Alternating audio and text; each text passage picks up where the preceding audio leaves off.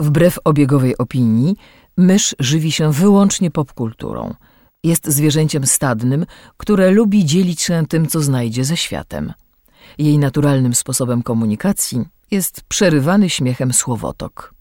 Słuchacie podcastu Myszmasz.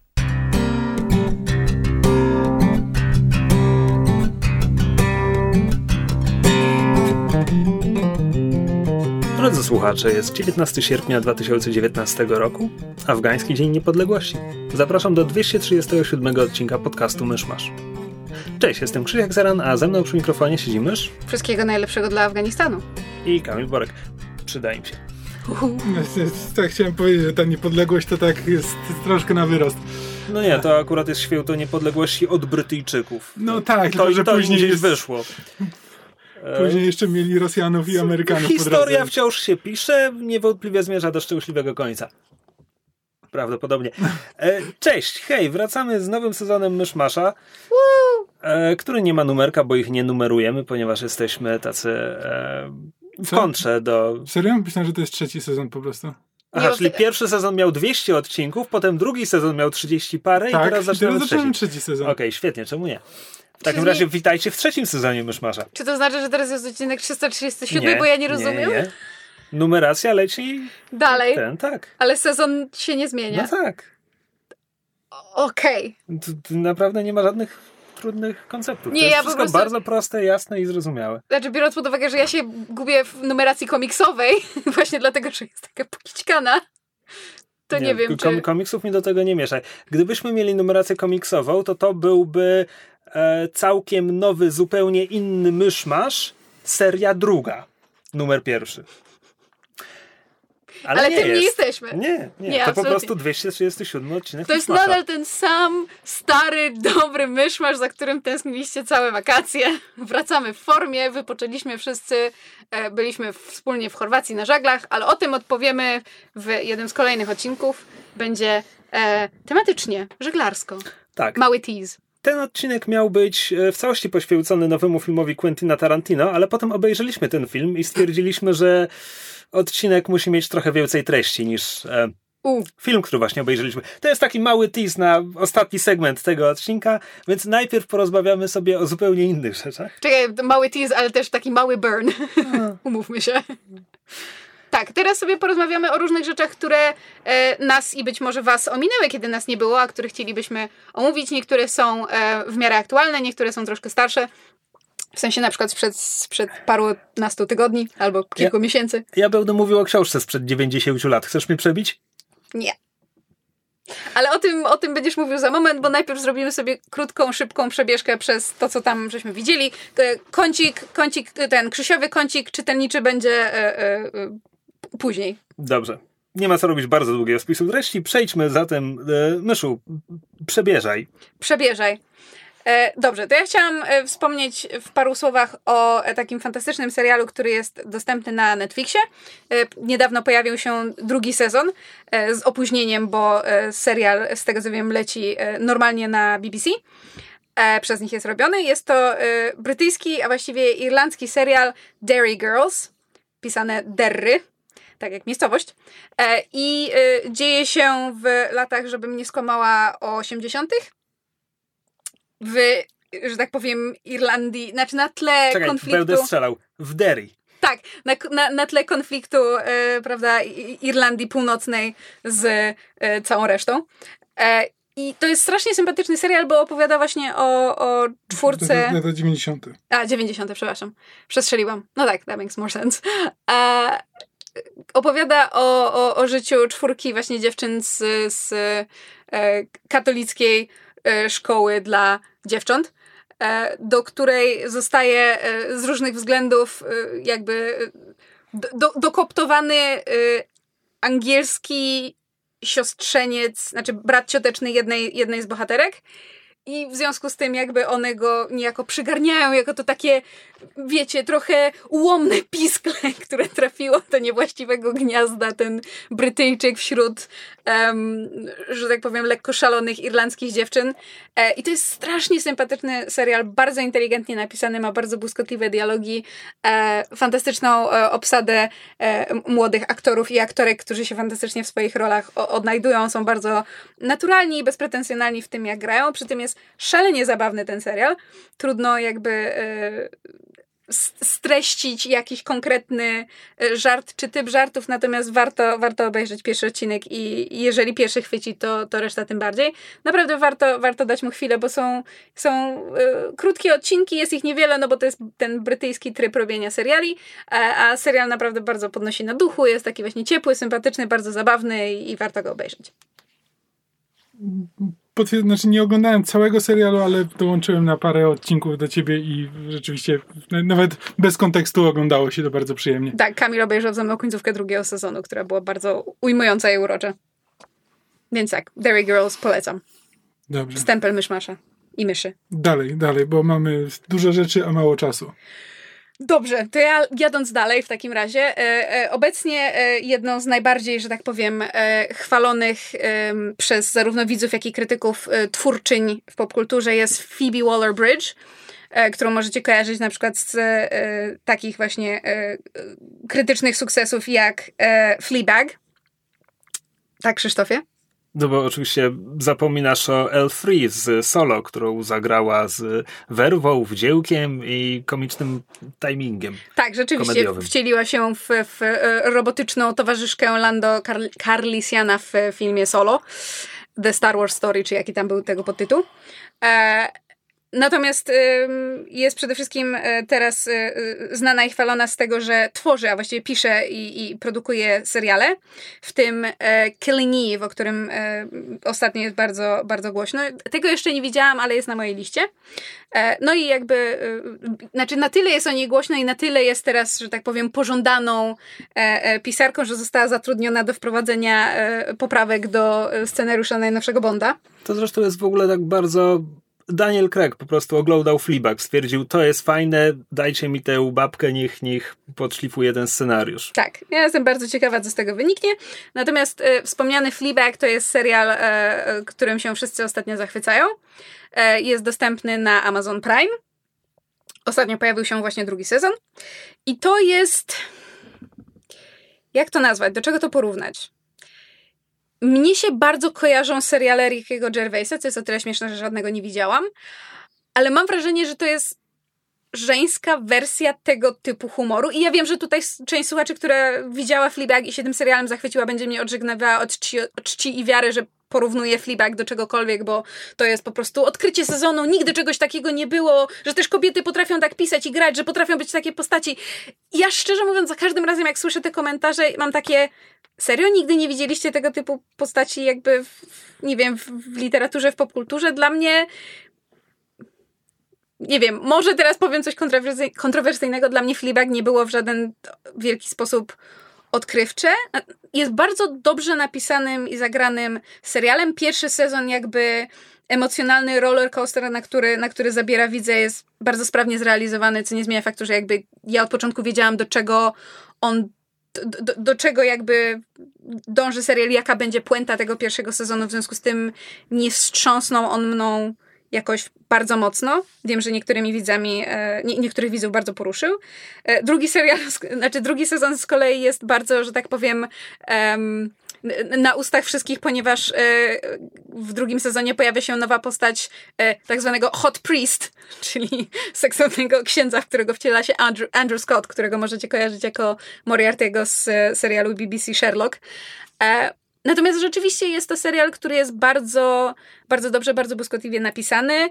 Główna bohaterka jest ciężko ją polubić, a z drugiej strony ciężko jej nie lubić, bo jest bardzo taka bezpardonowa w tym, jaka jest, e, zarówno jakby w swoim życiu, jak i z, z, widzami, dlatego że serial przełamuje czwartą ścianę, bohaterka się zwraca bezpośrednio do widowni w takich e, bardzo dowcipnych e, tak zwanych asides, czyli po prostu jakby w trakcie akcji rozmawiając z kimś innym nagle zwraca się do kamery i rzuca jakiś uszczypliwy komentarz albo w jakiś sposób się odnosi do tego, co się właśnie e, dzieje w jej życiu. E, natomiast na pewno warto, warto dać mu szansę, bo jest to kawał, kawał fajnego serialu, natomiast po prostu ja trochę nie rozumiem tego jakby poziomu tego zachwytu i jakby mm. natężenia i tego, że to jest ze wszystkich kierunków.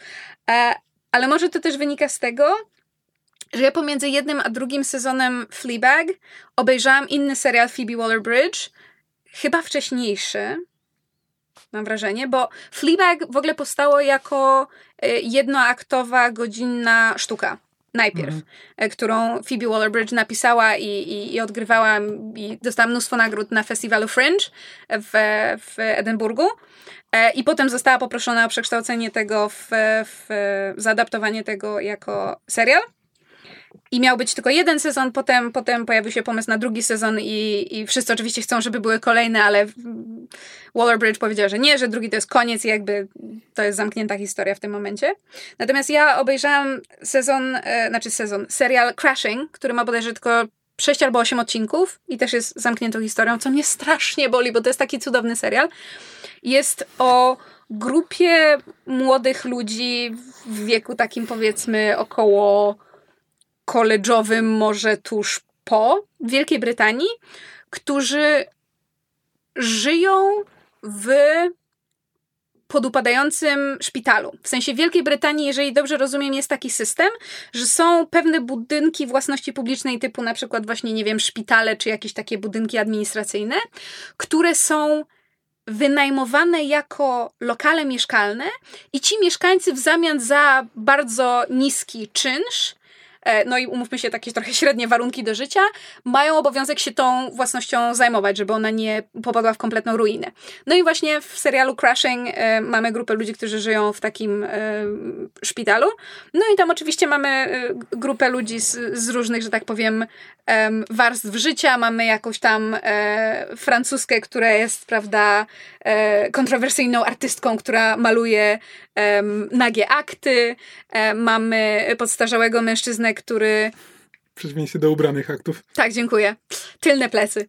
E, mamy, e, że tak powiem, podstarzałego mężczyznę, który przychodzi kryzys wieku średniego i zaczyna z, tym, z tymi wszystkimi młodymi ludźmi e, przesiadywać i spędzać czas, właściwie nie bardzo wiadomo dlaczego. E, mamy tam też e, trójkąt miłosny, a właściwie nawet czworokąt miłosny pod pewnymi względami między właśnie bohaterką graną przez, przez Phoebe Waller-Bridge e, a jej najlepszym przyjacielem i jego dziewczyną. I jakby nasza bohaterka i ten jej przyjaciel mają takie bardzo will they, won't they, a z drugiej strony oboje się zarzekają, że absolutnie nie, a z drugiej strony bardzo duża część ich relacji opiera się na takiej bardzo um, nie wiem jak to nazwać takiej bardzo dosadnej flirtacji i takiego trochę, tro, tro, takiego trochę truth or dare na zasadzie, że o, nie pocałujesz mnie, a skąd wiesz, że cię nie pocałuję? A, bo wiem, że mnie nie pocałujesz. Trochę na takiej zasadzie. Mhm. Natomiast to wszystko jest bardzo fajnie też napisane, bardzo taki snappy dialog, bardzo błyskotliwe i, i wydaje mi się, że z jakiegoś powodu to, jak tam są ukazane relacje młodych ludzi i właśnie relacji międzyludzkich, tego jak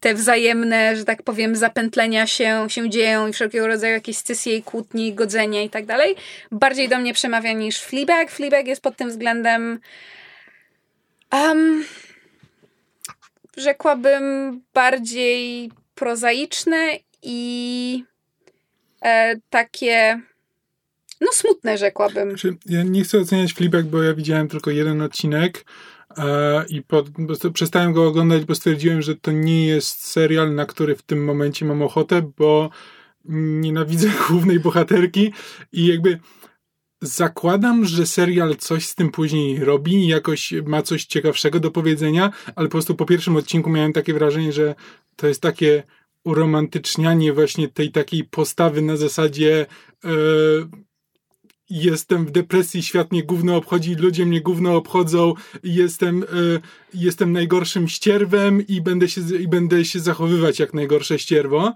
Teraz jak e... Kamil tak to ujął, to naprawdę zaczęło brzmieć jak serial Rickiego Gervaisa. Mhm. Tylko feedback jest śmieszny. Tak, tak i nie, w sensie na swój sposób, ale jakby... Znaczy mnie pierwszy odcinek nie, nie, nie śmieszył prawie, w, ja prawie w ogóle. Oglądałem, a... oglądałem jednym okiem, więc mnie Fleabag śmieszył w ten sposób. No, właśnie, nie wiem, ja po prostu nie lubię, nie lubię takich narracji e, o, o nienawistnych ludziach, jakby nie, nie wiem czemu, albo może po prostu trafiło na jakiś moment, w którym, w którym zupełnie nie byłem na to gotowy i, e, i po prostu nie chcę mówić, że fizycznie mnie odrzuciło, ale, e, ale jakby zareagowałem na to, zareagowałem na to bardzo źle, nawet jakby wiedząc, jakby wiedząc że no to nie jest, to nie jest tylko to, czym ten serial jest i jakby e, tyle, tyle różnych ludzi, których ten, e, których jakby opinie cenię, go polecało jakby opowiadało o czym dokładnie jest, ale nie jestem w stanie się przebić przez po prostu ten marazm tego, wiesz, tego, tego nieszczęścia i właśnie takiego uromantyczniania tego nieszczęścia, że, że, to jest, że to jest jakby sposób na życie. Nie, nie wiem, nie, nie, nie chcę oceniać serialu na podstawie pierwszego odcinka, ale po prostu miałem bardzo złą reakcję na pierwszy, na, na hmm. pierwszy odcinek. Ciekawe. Na marginesie sprawdziłem i Crashing jest wcześniejszy, ale zaledwie o pół roku. Hmm. Zarówno Crashing, jak i Fleabag pierwszy sezon, pierwszy sezon poszły w 2016. No widzisz, ja podejrzewam, że one powstawały w, w, w podobnym momencie. Natomiast to, co mnie przy Crashing ujęło, to znaczy ja mam trochę podobne podejście jak Kamil, w sensie Fleabag obejrzałam z, z rozpędu i trochę wbrew sobie, bo też nie jestem wielką fanką tego typu treści. Jakby jest powód, dla którego nie oglądałam seriali Rickiego Gervaisa, bo jakby wyczuwałam, jaki jest ich ton i szczerze mówiąc, kiedy ludzie opowiadali o Fleabag, nie sądziłam, że, że, że ten ton jest tego typu. Ale ponieważ ludzie tak bardzo go chwalili, więc obejrzałam ten pierwszy sezon, to jest jakby, znowu, to jest brytyjska produkcja, więc, więc to zajmie jedno, nawet niepełne popołudnie. E, I jakby doceniam, jak Waller-Bridge pisze i doceniam, jaką postać stworzyła we Fleabag i jak ją odgrywa, bo odgrywa ją fantastycznie. Ona ma bardzo specyficzny sposób, um, bardzo specyficzne poczucie humoru i, i ono jakby kiedy odgrywa tę postać e, wychodzi na pierwszy plan. Natomiast w Crashing też jest, bo, bo Phoebe Waller-Bridge w Crashing też, też gra. Najwyraźniej to jest u niej, e, że tak powiem, tendencja. E, ale Crashing po prostu trafia do mnie bardziej, bo nie jest może tak właśnie, nie wiem, e, smutno-życiowo prawdziwe, ale to niekoniecznie oznacza, że jest wyłącznie cukierkowo lukrowane. Natomiast jeżeli miałabym do czegoś, się, do czegoś ten serial porównać, to jest na przykład How I Met Your Mother, ale na początku, kiedy jakby ten serial wszedł, kiedy wszyscy się nim zachwycali nie bez powodu, kiedy on był e, nowy, świeży, miał na siebie pomysł, te, te relacje były fajnie pokazane i, i tych bohaterów naprawdę szło się lubić. Więc bardzo polecam wam Crashing. E, Fleabag, no jakby też, ale trochę na takiej zasadzie, albo wszyscy polecają. Mnie osobiście podpasował mniej. Crashing polecam bardzo, bardzo. Chyba też jest na Amazon Prime. Tak mi się wydaje. Albo na Netflix. Na którejś z trzech platform, które w Polsce są dostępne, na pewno jest. To, to jest Amazon Prime. Też jest Amazon Jestem Prime? Jestem niemal pewien. Dobrze. E, ja, skoro przy tym jesteśmy, to ja, skoro, skoro jesteśmy przy Rickim Gervaisie, o nim wspomniałaś, to ja obejrzałem pierwszy sezon e, Afterlife. A właśnie. E, I nie cierpię tego serialu. Znaczy, Ojej, znaczy tell us how you really znaczy, feel. Jakby moja relacja jakby z Rickiem Gervaisem e, ogólnie e, uległa pogorszeniu przez lata. E, kiedyś bardzo, e, bardzo lubiłem. Jakby wciąż, jakby The Office wciąż lubię, Extras też e, pewnego stopnia, ale jakby Ricky Gervais jako komik z biegiem lat e, stawał się dla mnie coraz, coraz gorszy i jakby głównie nie chcę mówić, że głównie ideologicznie, bo to jakby ta jego ideologia przekłada się na jego humor i dlatego to mnie przestaje, przestaje śmieszyć. E, I to trochę widać właśnie w Afterlife. E, to znaczy, to jest serial właśnie o, o kompletnie nienawistnym człowieku, o jakby Ricky Gervais gra faceta, któremu zmarła jego ukochana żona, która była jedynym... W przeciwieństwie do jego nieukochanej żony. Nie no, chodzi o to... No, bywają nieukochane żony, jakby ludzie miewają żony, których nie kochają. E, w każdym razie ma ten, e, właśnie o to chodzi, że to była, to, była jego życiowa partnerka, to był ktoś, kogo kochał, jedyny promyk nadziei w jego życiu i po jej śmierci on się stał kompletnie nieznośny e, i dla wszystkich jest opryskliwy. E, ma jakieś takie samobójcze tendencje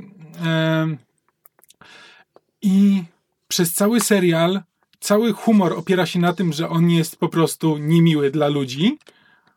I jak to Ricky Gervais jest niemiły w, w cudzysłowie zabawny sposób. To jest właśnie to, co mnie przestaje śmieszyć. Jakby to, że Ricky Gervais śmieje się ze wszystkich, jakby spoko, czasami trafia, czasami nie, wiesz, większość osób na to nie zasługuje, niektóre tak, niektóre nie, ale po prostu ten, to, takie podejście, że po prostu strzela do wszystkich, jakby przestało mnie interesować. Na dłuższą metę e, no to jakby połowa z tego mnie nie śmieszy, bo po prostu w, e, uważam, że jest niezasłużone. I jest nienawistny wobec wszystkich, wobec całego świata. Tam jest jedna scena, w którym w której tam się zaprzyjaźnia z e, tam jakimś lokalnym narkomanem e, i E, jakby i ten narkoman mówi, że zasadniczo te też właśnie rozmawiają o swoich ten, tendencjach samobójczych. Ricky Gervais mu daje pieniądze na to, żeby na, na złoty strzał. I i jakby i ten później się dowiadujemy, że rzeczywiście jakby wziął, przedawkował i, e, i zmarł. I te i nic się właściwie z tym nie dzieje, na koniec, na koniec, może powinienem było oznaczyć spoilery, ale tak bardzo nienawidzę tego serialu, że po prostu e, spoileruję go trochę z, ten, z niechęci, ale teraz będę, teraz będę mówił o, o samej końcówce tego serialu. E, ta scena praktycznie rzecz biorąc nie wraca. Jakby w, na koniec jakby dokonuje się przemiana bohatera nie, nie uwarunkowana niczym, co widzimy na ekranie, po prostu w, scenariusz wymaga, żeby bohater się teraz zmienił i, w, i, post, i, i wciąż obrażając innych, mówi im, jak bardzo im na nich zależy. Jedno, wiesz, jedno, tam przeprasza część ludzi za to, jaki był, ale na przykład, wiesz, jest swojego tam kumpla z pracy, którego cały czas, e, cały czas dręczy, cały czas męczy, cały czas sobie z niego żartuje.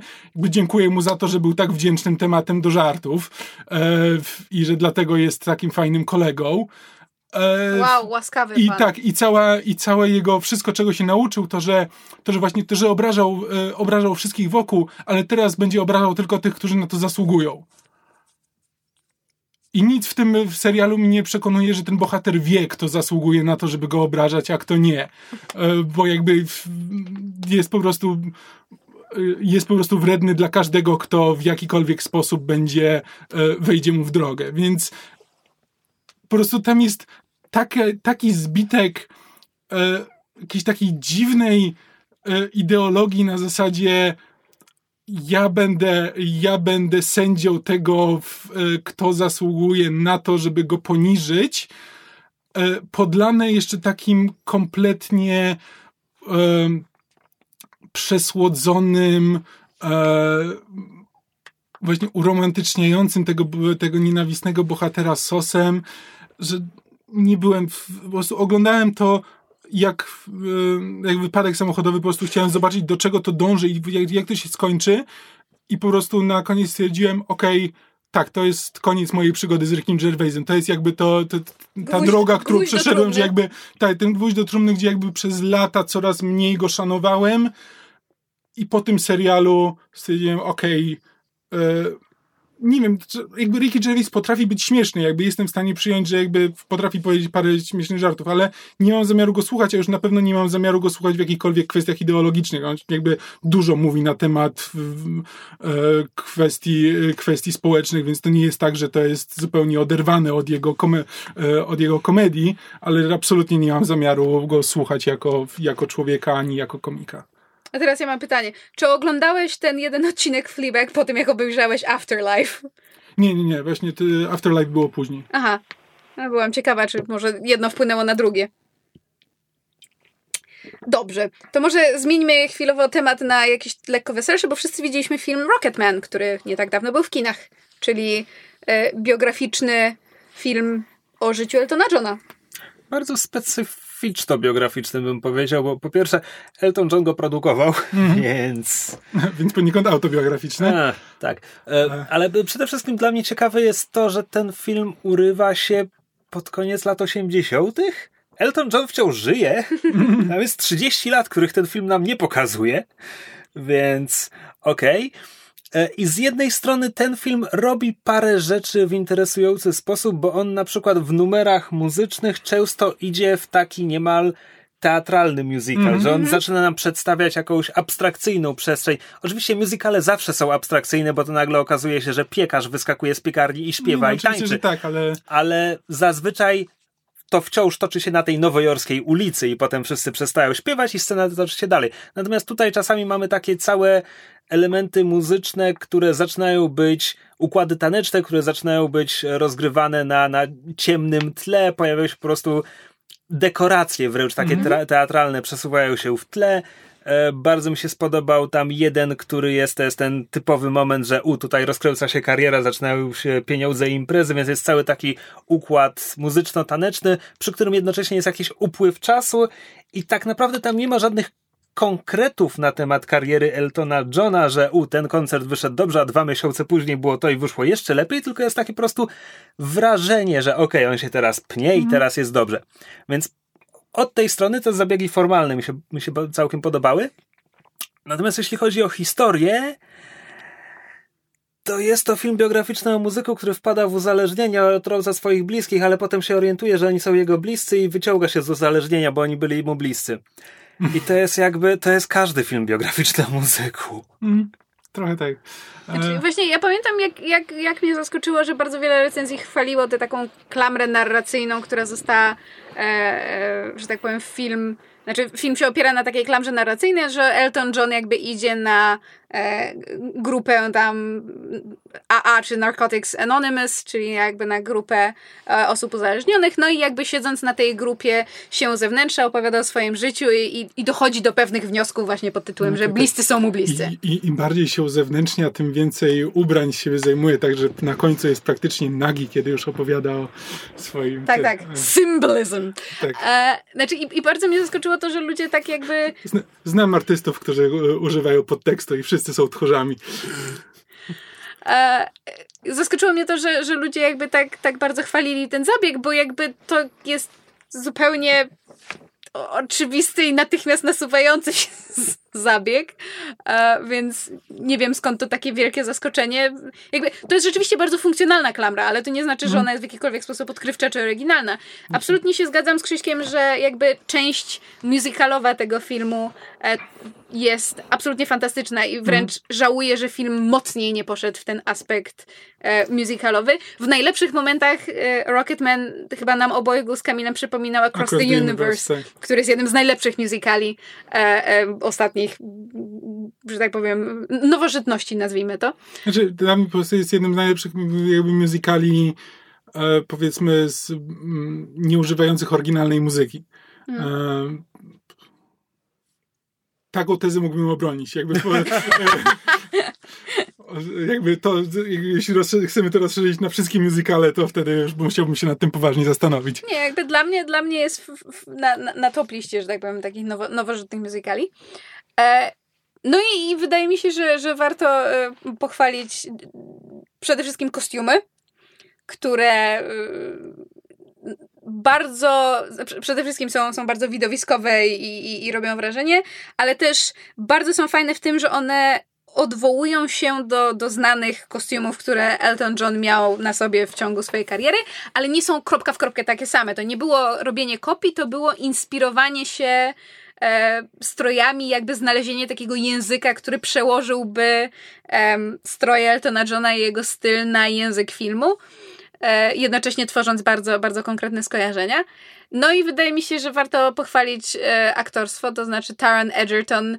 Autentycznie w tym filmie miałam takie momenty, kiedy patrzyłam i zapominałam, że to jest, że to jest on, w sensie jakby widziałam nie on Eltona. nie wygląda szczególnie ale, jak Elton John. Właśnie o to chodzi. To nie jest to, że, o, że, że patrzyłam na niego i widziałam młodego Eltona Johna. Patrzyłam na niego I A, przestawałam widzieć Tarona Edgertona, B, widziałam filmowego Eltona Johna. W sensie to, te, ten, Mhm. te, to filmowe wcielenie Eltona Johna, które film próbuje stworzyć i moim zdaniem właśnie tworzy bardzo e, umiejętnie. Znaczy, Plus fantastycznie śpiewa. Znaczy tak, nie, pokazuje tutaj, że rzeczywiście jakby jest aktorem, czego jakby nie miał za bardzo okazji pokazać w Kingsmanach. Znaczy, tam jest parę fajnych scen, jakby jest jest w miarę interesujący i charyzmatyczny, ale jakby w Kingsmanach nie miał, nie miał okazji wiele pokazać, tutaj, tutaj dają mu trochę do zagrania. Ja zresztą niedługo po tym, jak wróciliśmy z Rocketmana, właśnie stwierdziłam, że o, mam parę brakujących filmów z filmografii e, Tarona Edgertona, więc obejrzałam e, Robin Hooda. Oj, to był bardzo zły pomysł.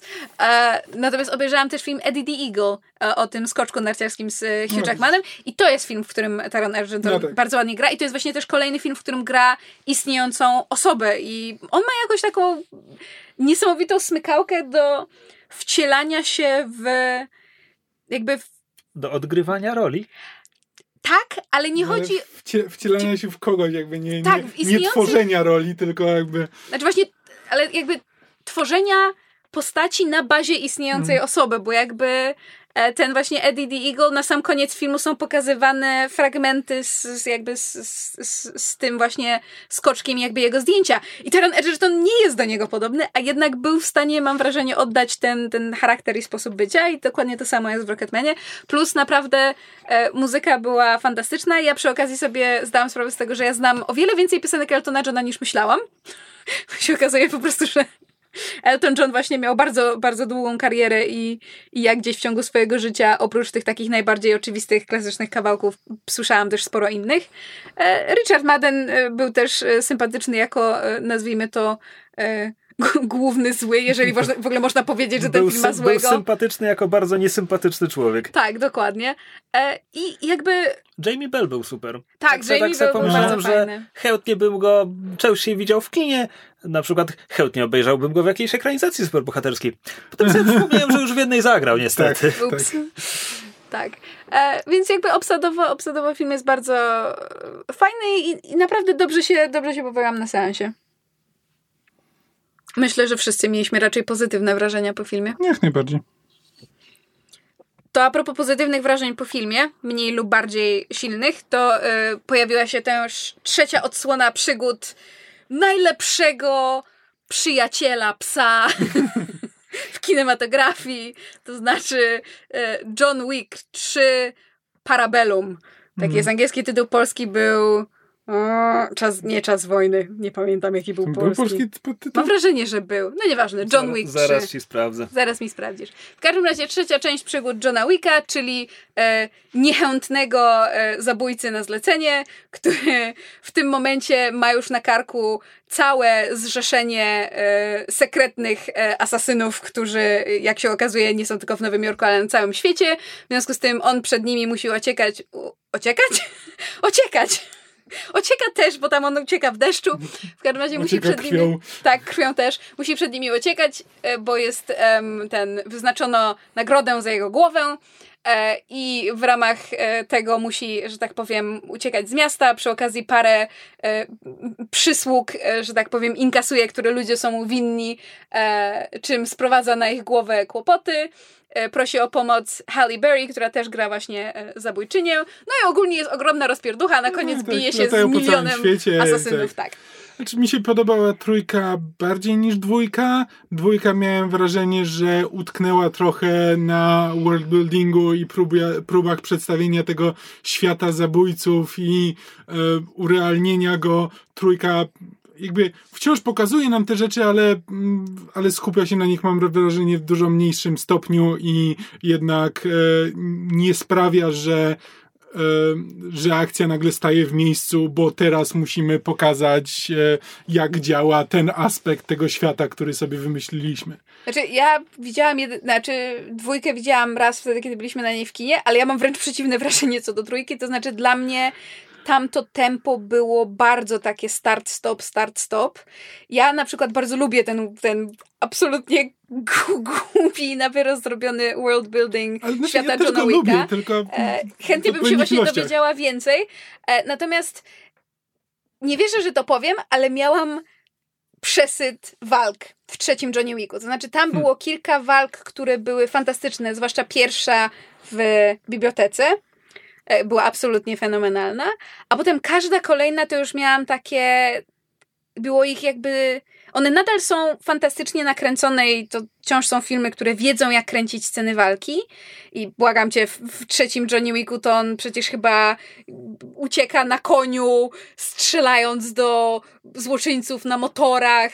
I w trójce są kolejne dwa psy, bo postać Halle, Berry ma dwa psy zaczepno obronne, które tam, e, że tak powiem, biorą udział, biorą udział w tych walkach. Tylko właśnie problem polega na tym, że w pewnym momencie, jak jest walka Johna Wicka i postaci Halle Berry, której za Chiny ludowe oczywiście nie pamiętam, jak się nazywała. Przepraszam, ale e, chyba, chyba Dan Olsen e, napisał takiego tweeta, że powinniśmy wprowadzić e, kate- e, w Oscarach powinna zostać wprowadzona kategoria dla kaskaderów, żeby, żeby móc dać nagrodę tym dwóm psom z Johna Wicka 3. Znaczy w ogóle powinna być kategoria dla kaskaderów, kropka, a tak, tak. psy z Johna Wicka to już, że tak powiem, osobna kwestia. Natomiast właśnie w tej scenie, kiedy oni, że tak powiem, zabijają wszystkich jak popadnie, to... To nie, nie jest opis każdej sceny? Tak, tylko jakby tak bardzo jak oglądanie scen walk, scen akcji w filmach o Johnny Wicku jest ucztą, można mieć przesyt, można się przejeść. I w tym filmie były takie sekwencje, które moim zdaniem były za długie, w pewnym momencie już nie było w nich zbyt wielkiej inwencji ani jakiegoś artyzmu. Tak samo jest pewne zawieszenie niewiary, które jestem w stanie, że tak powiem, przy okazji tych filmów um, nie wiem, postawić.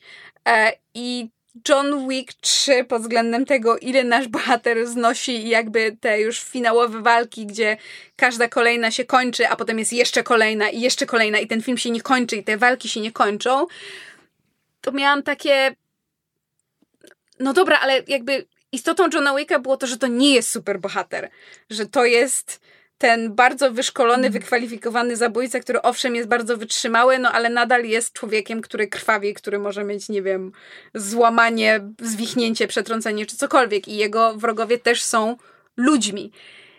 I ten film już bardzo popychał to moje zawieszenie niewiary i muszę powiedzieć, że, że trójka mnie nie, nie, nie miałam z niej takiej frajdy jak z dwójki mimo wszystko. A żeby rozwiać myśl wątpliwości, e, polskie Johnny Wiki nie mają podtytułów. Aha. Hmm. Jest, znaczy, no to, to, to, to, to nie jest w żaden sposób oryginalna myśl, bo jakby 5000 osób już to powiedziało, że jakby John Wick to jest zasadniczo musical, tylko gdzie piosenki to są sceny akcji, e, albo, albo balet, w, w, czy, czy, czy, czy opera. Jakby fabuła zasadniczo tam jest a przynajmniej ja mam takie wrażenie, że powinna tam być głównie po to, żeby podprowadzić właśnie do kolejnej, do kolejnej sceny akcji. E, I nie, moim zdaniem właśnie, właśnie trójka te, te, te, proporcje wyważyła, wyważyła bardzo dobrze. No ale ewidentnie to jest subiektywna kwestia, więc nie ma co w to wchodzić za znaczy. Być może, ale też z drugiej strony mam wrażenie, że w trójce było o wiele więcej tej fabuły niż w jedynce i w dwójce, zwłaszcza w jedynce. No jedynka to był pretekst pod tytułem zabili mi psa, zabiję was wszystkich. Mm. I, I wszystko się toczyło dookoła tego. Natomiast... Dlatego jedynka to moja ulubiona część. Absolutnie. E, natomiast w trójce mam wrażenie, zwłaszcza biorąc pod uwagę jakby miejsce Johna Wicka w tej hierarchii, którą ten world building nam, nam tak pracowicie próbował zbudować, żeby ona miała sens i nie ma ona sensu. E, jeszcze ją poszerza w tym filmie. Jakby to, jakie on, gdzie on w tej hierarchii się plasuje, jaka ma być jego rola, jak, jak to się odnosi do jego moralności i tego jego pragnienia pod tytułem dajcie wy mi wszyscy święty spokój, zacząłem znowu zabijać, bo żeście mi zabili psa, odczepcie się wszyscy ode mnie. I jak ten film się ostatecznie kończy. Nie wiem, mam wrażenie, że gdzieś mi się to w tej trójce rozmyło i nie bardzo wiem, co twórcy próbowali mi powiedzieć. A biorąc pod uwagę, że John Wick jest postacią niewielu słów i jakby to jest jego e, zaletą i właśnie jego, ten jego cel i, i, i ta jego, nie wiem, moralność, czy jakiś taki nie wiem jak to nazwać tak tutaj mimuję jakiś taki kierunek, ale to w podcaście kiepsko takie treści się odnajdują. Ale mam wrażenie, że John Wick był, był właśnie najlepszy wtedy, kiedy był bardzo taki prostolinijny, a oni tutaj próbowali go jakoś za, za dużo mu próbowali wepchnąć i dodać. Jakoś tak Keanu Reeves zrobił co mógł, e, ale jakoś, no nie wiem, nie podobał mi się ten John Wick tak, 3 tak bardzo. Nie zgadzam się, ale masz prawo do swojej opinii, nawet jeśli jest błędna. Co jeszcze oglądaliśmy? Podtytuł tego podcastu. E, oprócz tego, e, co żeśmy właśnie powiedzieli, e, myśmy z Kamilem widzieli e, taki mało znany film, znaczy mam wrażenie, że mało znany, w sensie praktycznie o nim nie słyszałam nigdzie, e, który ma długi tytuł pod tytułem Don't worry, he won't get far on foot. Tak. Tak, który jest mam wrażenie, że niezależnym filmem, a przynajmniej takie sprawia wrażenie, e, w którym główne role grają e, Joaquin Phoenix, e, o Boże, Jonah Hill i Rooney Mara, nie Kate. Ich jest dwie, ja je zawsze mylę. Rooney Mara, Ja moim zdaniem. Em, I to jest film a propos klam, klamry narracyjnej z Rocketmana i e, terapii uzależnień. To jest. Znaczy w kwestii tego, czy to jest jakby niezależny film, czy to, to jest oryginalna produkcja Amazonu. A, Więc widzisz. jakby- A, właśnie, tak. Więc tak, on jest, on jest niezależny. Wow, on miał budżet 7,5 miliona. E, więc tak, jest bardzo niezależny. E, Jest tylko zależny od najbogatszego człowieka na ziemi. Tak? no tak, ale... E, ale to co innego. Em, A, bo to Gus Van Sant. Tak, właśnie. Wi- Wiedziałam, że gdzieś tam jest jeszcze jakieś nazwisko. E, I to jest film o em, istniejącej, e, istniejącej osobie, to znaczy. E, John, on się nazywa John Callahan i on Właśnie. jest mm, rysownikiem, który jakby rysuje zabawne rysunki do, do gazet. Zabawne, ale też kontrowersyjne. tak. I jakby Callahan jest alkoholikiem, który miał wypadek e, jakby po pijaku. E, przy czym nie on prowadził, ale jakby obaj, e, obaj byli w, e, pijani, obaj jakby imprezowali. Tam z te, to jego, z tego kolegę, który wtedy prowadził, gra Jack Black. Zresztą. E, No i tam dochodzi do wypadku i on e, traci władzę w nogach. Jakby musi już do końca życia będzie jeździł na wózku e, i też częściowo tfun, przepraszam. Znaczy traci władzę w, Inaczej. od szyi w dół z częściowym paraliżem jakby kończyn górnych. E, tak. Mm, I właśnie i on próbuje mimo wszystko kontynuować karierę rysownika, jakby rys ma taki styl bardzo, bardzo prosty i em, no na, tyle, na tyle, na ile może sobie, e, sobie poradzić. No i to jest to jest film głównie o, jakby o jego walce z alkoholizmem. To jest jakby główny temat. E, Kwestia jakby jego niepełnosprawności jest praktycznie rzecz biorąc drugorzędna e, w tym filmie. Jakby w głównej mierze to to jest jakby walka z jego jakby słabością psychiczną, a nie z ograniczeniami e, ciała. Jakby no to jest, to jest w pewnym stopniu jakby e, coś, co, no coś, co ma wpływ na jego życie, ale, e, ale z, z tą częścią akurat radzi sobie nie najgorzej. Jakby cały czas obserwujemy, że no, jakby odnajduje się w tym jakoś. Jakby przez długi czas jest to, jest to dla niego problem, ale jak już odnajduje swój rytm, to, to, nawet w pewnym momencie tam stwierdza, że, że być może jest to najlepsza rzecz, jaka mu się, jaka mu się przydarzyła. Znaczy tak, to jest Mm. po prostu o- osoba, która, on ma, że tak powiem, elektryczny e, e, wózek inwalidzki i to jest osoba, która jakby ma tak wyjebane, że po prostu jedzie w pełnym pędzie po chodniku, ludzie uskakują spod kół i jakby jest w stanie, wiesz, przejechać na czerwony, bo po prostu to jest człowiek, który e, no on, on chce pewnych rzeczy i jakby nie, nie obchodzi go kogo przy okazji, trochę a propos, wiesz, postaci odgrywanych przez Rickiego Gervaisa, nie Tak. obchodzi go kogo jakby urazi, co Ale- widać też w jego właśnie komiksach, Tak, ale właśnie rysunkach, przepraszam. ten film dużo lepiej s- radzi sobie z tym balansowaniem na krawędzi pomiędzy tym jakby, że to nie jest pozytywna postać, ale jakby przede wszystkim film zdaje sobie z tego sprawę, e, więc jakby nie, nie usprawiedliwia tego aż tak łatwo. E, po drugie, właśnie tak jak mówiłem, jakby bardzo łatwo jest popaść w tego typu narracjach w e, znowu em, pokazywanie niepełnosprawności jako czegoś, nie wiem, romantycznego, jako właśnie, że kiedy mówię, że on tam stwierdza, że to być może jest najlepsza rzecz, jaka mu się przydarzyła, to to nie jest takie, wiesz, stwierdzę, to, to nie jest tak, że to jest, że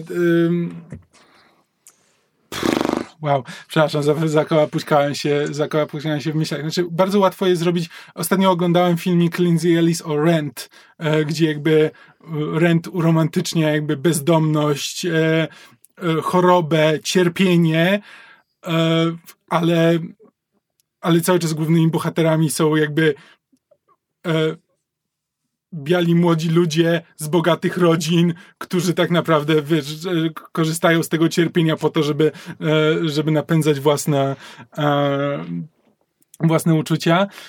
E, I bardzo często jakby tego typu, tego typu narracje o niepełnosprawności właśnie wpadają w takie uromantycznianie, że ten film jakby pokazuje, że no, on sobie radzi z tym, co, z, z tym, co mu z, co na niego zrzucił los, odnajduje się w tym, to nie jest łatwe, to nie jest romantyczne, ale to też nie jest, to też nie jest koniec świata i on autentycznie potrafi być szczęśliwy w tym, e, więc to wszystko jest bardzo mądrze, bardzo mądrze pokazane. A przynajmniej takie, takie odniosłem wrażenie. Tak, plus jakby Joaquin Phoenix jest bardzo dobrym aktorem. tak, i, Joaquina i... Phoenixa po prostu się bardzo przyjemnie ogląda. Tak, ale też bardzo miłym zaskoczeniem był John Hill, który ma taką jak mm -hmm. na mhm. siebie bardzo um, spokojną, um, nawet subtelną, rzekłabym, rolę i fantastycznie się też w tym, w tym odnajduje. Chyba w ogóle wchodzi w taki okres kariery. Mm -hmm. Miał kilka takich filmów co najmniej. Tak, tak. E, Tam był Moneyball i coś jeszcze. Internet, internet mówi mi też, że w tym filmie zagrał e, Udo Kier. A tak. Co wspominam, bo jest to jeden z moich... E, jeśli chodzi o aktorów, ten ma jedno z moich ulubionych nazwisk. Kto to jest? Udokier, niemiecki aktor charakterystyczny. Kojarzysz go jako e, Juriego z Red Alerta. O oh, wow. E, tak, to on ma, on ma twarz po prostu absolutnie niezapomnianą. Jak się ją raz zobaczyła, to potem się widzi w koszmarach sennych. Kojarzę teraz tego aktora, bo spojrzałem na niego, ale nie skojarzyłem, że on grał Juriego w Red Alercie. On grał też chyba w pierwszym Blade'zie nie wiem, czy nie grał też w Blood Rain. Dobra, e, przejdźmy może do następnego tytułu. Co tam mamy jeszcze na liście? Coś, co widzieliśmy? E, wszyscy widzieliśmy Dark Phoenix. Pi. Znaczy, Phoenix PP. Ja e, swego czasu napisałem notkę na, na fanpage na ten temat, bo Dark Phoenix jest dla mnie strasznie dziwnym filmem, bo z jednej strony jest tam mnóstwo pomysłów i wątków i nawet scen, wprost z komiksów i to są wątki, które ja bardzo lubię, które ten film kompletnie marnuje. Na mhm. przykład, e, żeby nie szukać daleko, no to, to, to jest najlepszy Cyclops, który na, to, to był na, na wielkim ekranie w tym filmie. Tylko gość ma dla siebie trzy sceny i jakby film go kompletnie ignoruje. Mm. Jest tutaj wątek tego, że X-Meni odkrywają jakby, dochodzą do punktu, w którym trochę przestają potrzebować Xaviera, to znaczy uniezależniają się od niego, w pewnym momencie są w stanie mu się przeciwstawić, żeby zrobić coś, co według nich jest słuszne. To jest 20 sekund w tym filmie. Jest to też hmm. praktycznie wszystkie 20 sekund, które Storm ma dla siebie w tym filmie, nie, liczą, nie licząc rzucania piorunami. E, to, po prostu to, jak bardzo ten film nie potrafi być filmem o grupie bohaterów, jest spektakularny. To znaczy, mamy tych grupę X-Meni w tym filmie, to jest to, to jest 7 osób, cztery z nich są statystami. Hmm. Znaczy Quicksilver hmm. zostaje wyeliminowany w ciągu pierwszych 10 minut, a potem Storm i Nightcrawler są kompletnymi statystami, hmm. mają może trzy kwestie. Ale najśmieszniejsze jest to, że ja zacząłem oglądać ten film i autentycznie miałem takie zaraz, czy my teraz udajemy, że Jean Grey, e, Nightcrawler, byli od samego początku w, ty, w X-Menach? Przecież ich nie było w poprzednim filmie. Nie było ich w, w Days of Future Past. I potrzebowałem jakieś 20 minut, żeby sobie przypomnieć, że X-Men Apocalypse istniało, że w ogóle ten film, że był ten film i że, że to są postaci wprowadzone tam. One tak kompletnie, nawet, nawet, nawet Jean, zapomniałem o tym, że Jean Grey była wprowadzona prze, przed Dark, Dark Phoenix. Hmm. E, więc jakby uważam, że Dark Phoenix jest lepszym filmem niż Apocalypse. E... Znaczy słuchaj, e, w momencie, gdy nagrywamy ten odcinek, Dark Phoenix zostało już wyciągnięte ze wszystkich kin na świecie. Mhm. Box Office może podaje, że ten film już nigdzie nie jest wyświetlany w kinach. W związku z czym w tym momencie jest oficjalnie ze wszystkich tam 11 czy 12 filmów serii X-Men, do czego mhm. liczymy mm. X-Menów, Wolverine i chyba Deadpoole też są w to wliczone, Dark Phoenix zarobiło najmniej. Uh. Co boli, ale z drugiej strony to i tak nie ma znaczenia, bo i tak Disney zrobi z tym teraz zupełnie coś nowego. Tak, więc. i jakby i od miesięcy to był mniej więcej nastrój, który otaczał ten film jeszcze mm -hmm. przed premierą, na zasadzie, że on już nie ma znaczenia. Co jest o tyle przykre, że to wciąż jest lepszy film o X-Menach od co najmniej trzech czy czterech innych, mm. co nie czyni go dobrym filmem. Tak. Znaczy, on nie jest dosyć nijakim, ma sporo dobrych pomysłów, które spektakularnie marnuje, ale kiedy już te pomysły się pojawiają, to jakby to potrafi cię zaciekawić na chwilę. Ja byłem też bardzo zaskoczony tym, jakie on ma porządne walki. Tak. tak. Jak na film superbohater... Filmy superbohaterskie zaskakująco często kompletnie nie mają pomysłu na moce swoich bohaterów. Mm. Dark Phoenix ma fajne walki. Tak. Mm.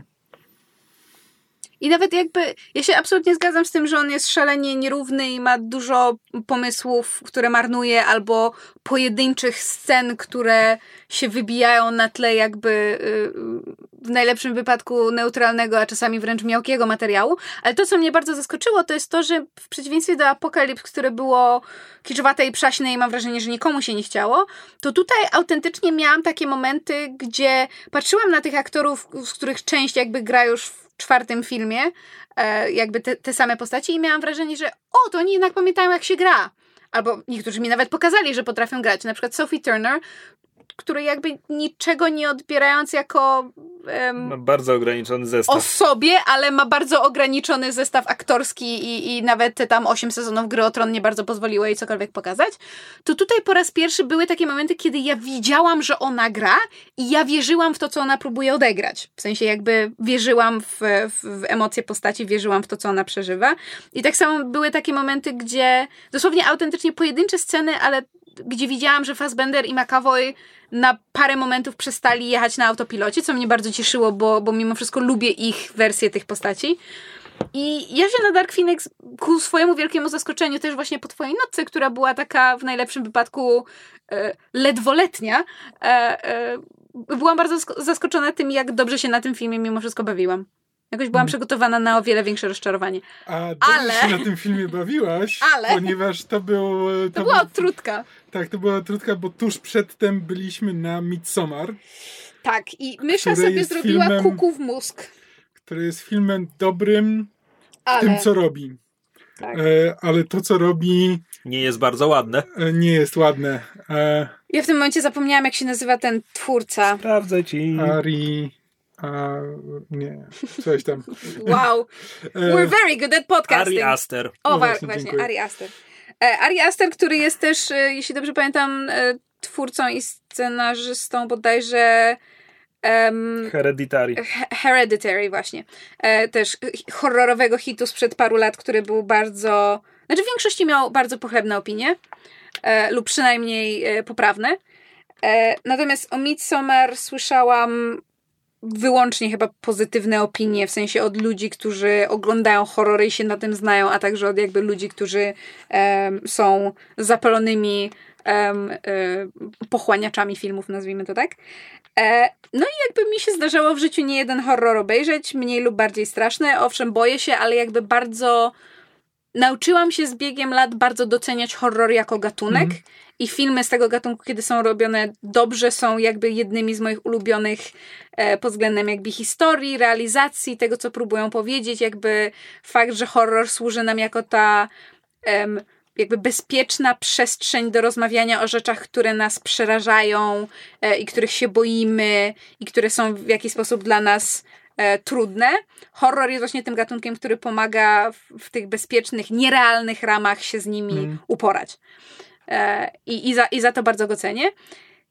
I słuchajcie, byłam na wielu filmach w życiu, e, takich, z których, e, które mnie na przykład e, wynudziły.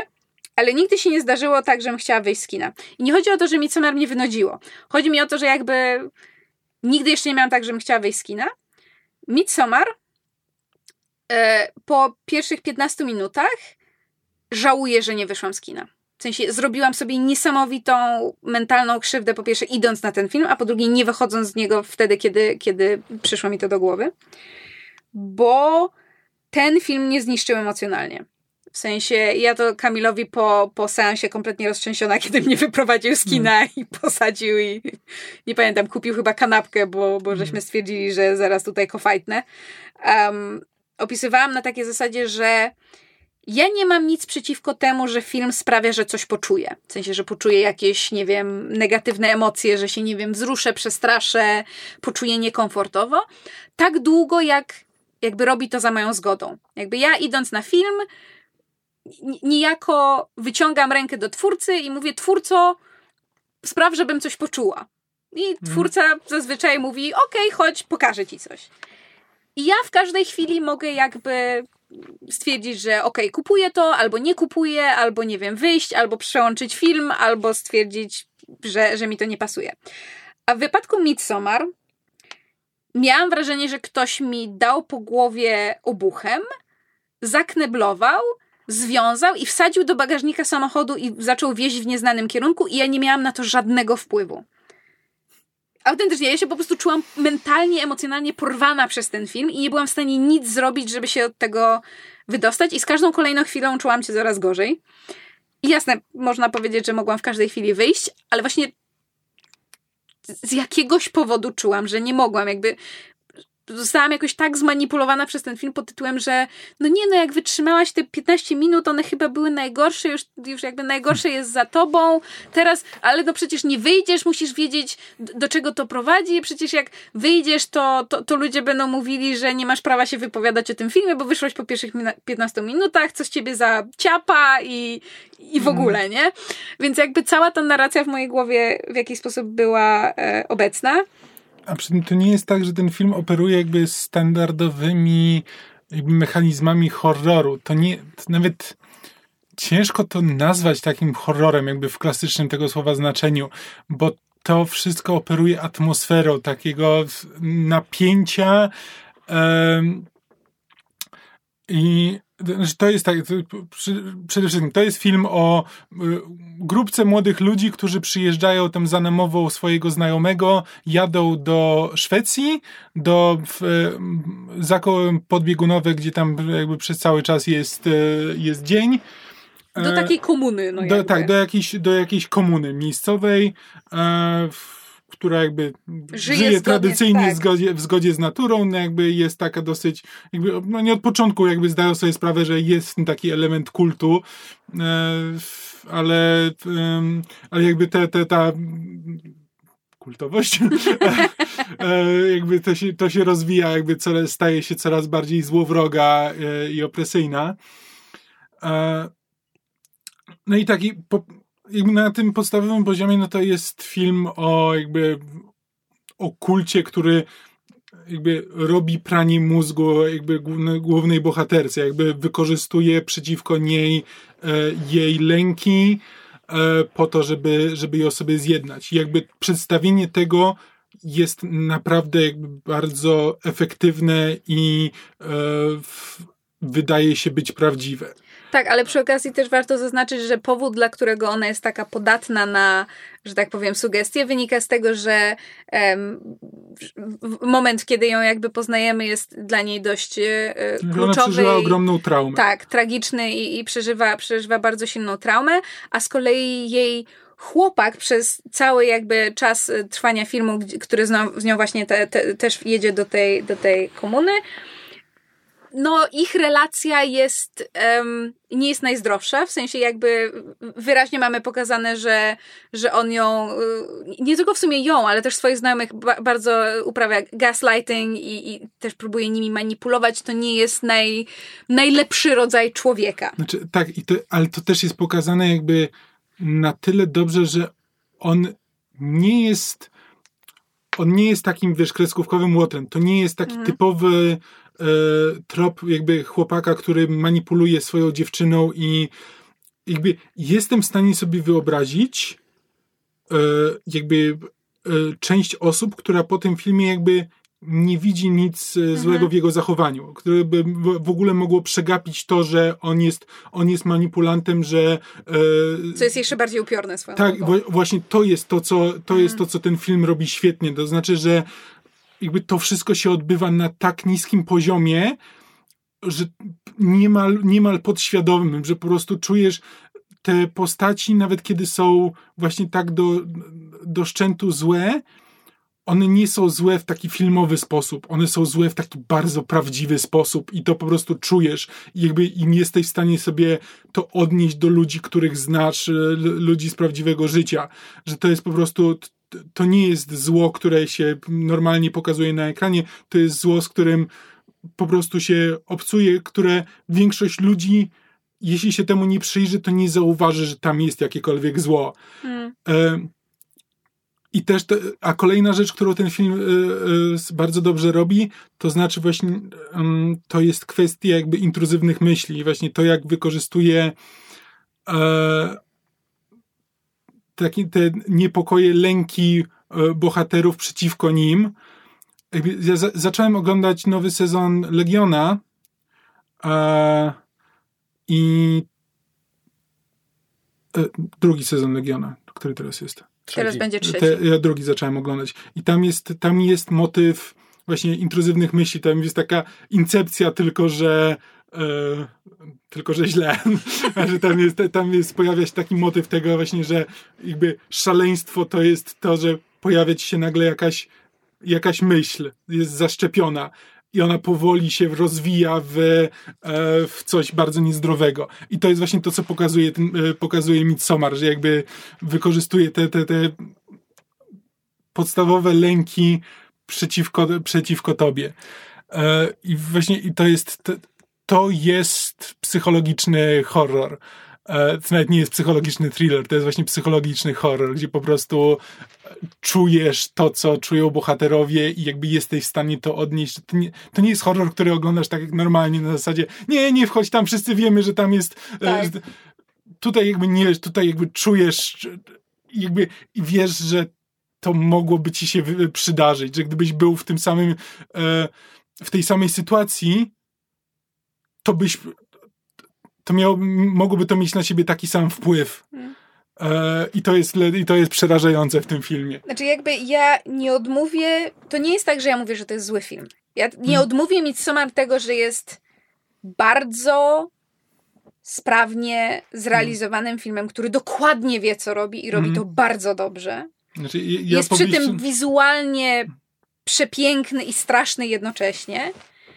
E, natomiast właśnie ten, ja to nazwałam, że ten film jest a study in anxiety, in building Mhm. anxiety. I to jest właśnie to, że ten film po prostu kamyczek po małym kamyczku buduje ci to napięcie, aż pod koniec filmu orientujesz się, że leży na tobie po prostu Mhm. cały, kamieni, tak, tak. cały kopiec kamieni i nie wiesz nawet jak zacząć próbować go z siebie zrzucać. I chyba właśnie ten aspekt, o którym wspominałeś, czyli jakby prawdziwość tych emocji i realność tego wszystkiego, co widzimy, mimo że jakby się wydaje nieprawdopodobne bardzo wiele z tego, co się w filmie, w filmie dzieje, bo umówmy się, jakby tragedia, trauma, pewne e, różnice kulturowe wydają się jakby nie wiem, jakoś takie nieoczekiwane czy niespodziewane, to nie jest coś, o czym na co dzień myślimy, a kiedy już się wydarzy, to człowiek nie bardzo wie, jak się do tego e, odnieść. Natomiast mam wrażenie, że realność właśnie tego filmu, to jak bardzo prawdziwe są, są te emocje przeżywane przez bohaterów pokazanie na, pokazane na ekranie, sprawiło, że gdzieś właśnie nastąpiło przekroczenie tego, czym dla mnie jest horror, czyli właśnie tą bezpieczną przestrzenią do radzenia sobie z naszymi lękami, bo ten film uosabia mnóstwo moich osobistych lęków i sposób, w jakim kazał mi się z nimi skonfrontować, był autentycznie traumatyczny. W sensie ja, ja wiem, jak teraz w obecnych czasach się e, e, luźno posługuje, e, że tak powiem, zwrotem triggered, że o, tam, nie wiem, ktoś mi... Tak, ten tweet mnie striggerował, Tak. tak. bo ktoś napisał coś niemiłego. Tak, coś a ja głupiego. jakby używam słowa, że ten film mnie striggerował z pełną świadomością tego, do czego to się odnosi. To Mhm. znaczy, jakby osobistych lęków, traum. Tak, że trafił prosto w lęków, tak. Przycisnął wszystkie moje niewłaściwe guziki. Mhm. E, I tak bardzo jak absolutnie nikomu nie mogę tego filmu polecić. Wręcz Mhm. przeciwnie, będę bardzo głośno mówiła o tym, co ten film mi zrobił, bo uważam, że, że sporo jest takich widzów, którzy są wrażliwsi i mogą na ten film źle zareagować. Tak na swój dziwny sposób jestem może niewdzięczna, ale ciekawym doświadczeniem było to, że mając te tam 31 lat trafiłam na film, który mnie autentycznie i szczerze straumatyzował, bo to nie Mm. jest codzienne doświadczenie. No nie, nie jest. Coś nam jeszcze zostało? E, coś nam jeszcze zostało. Em, został nam jeszcze, e, a propos rzeczy, które nas traumatyzowały, ale nie do końca, em, został nam e, e, ostatni sezon Veronica Mars. Hmm. Ponieważ e, Veronica Mars, e, jeden z naszych ulubionych e, seriali, e, e, ostatnio wrócił z miniserią.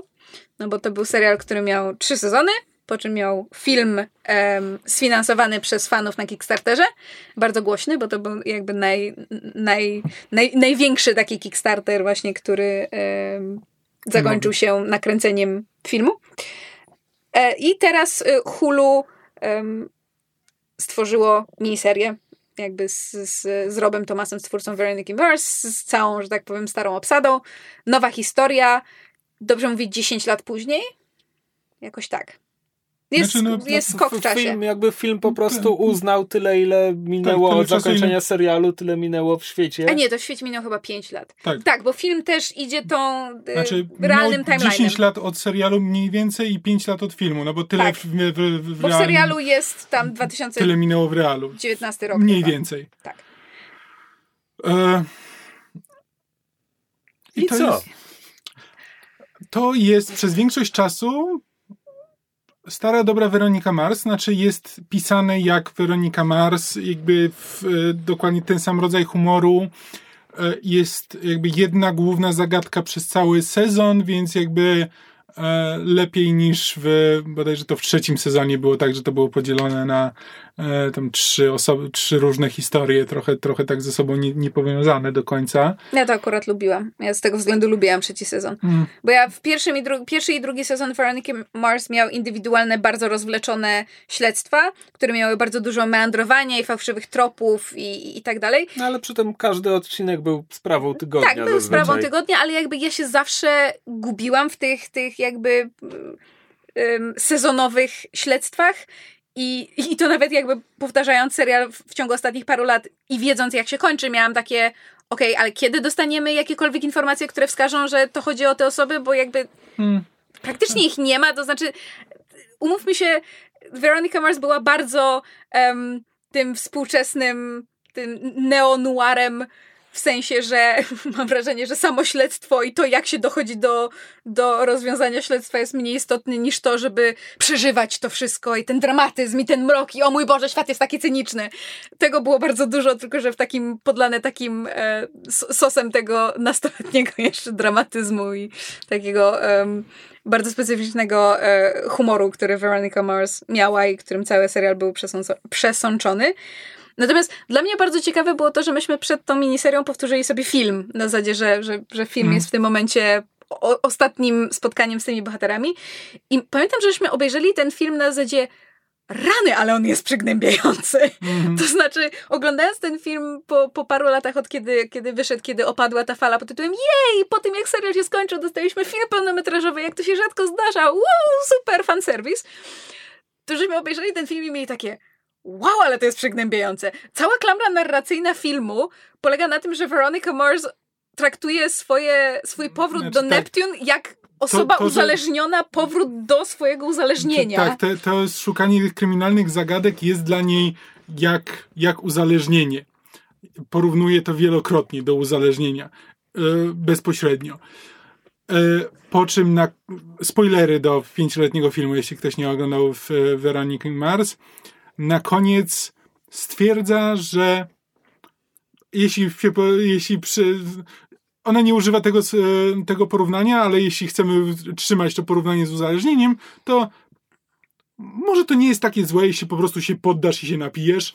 E, bo tak się ten film kończy, ona po prostu stwierdza uzależnienie mnie pokonało.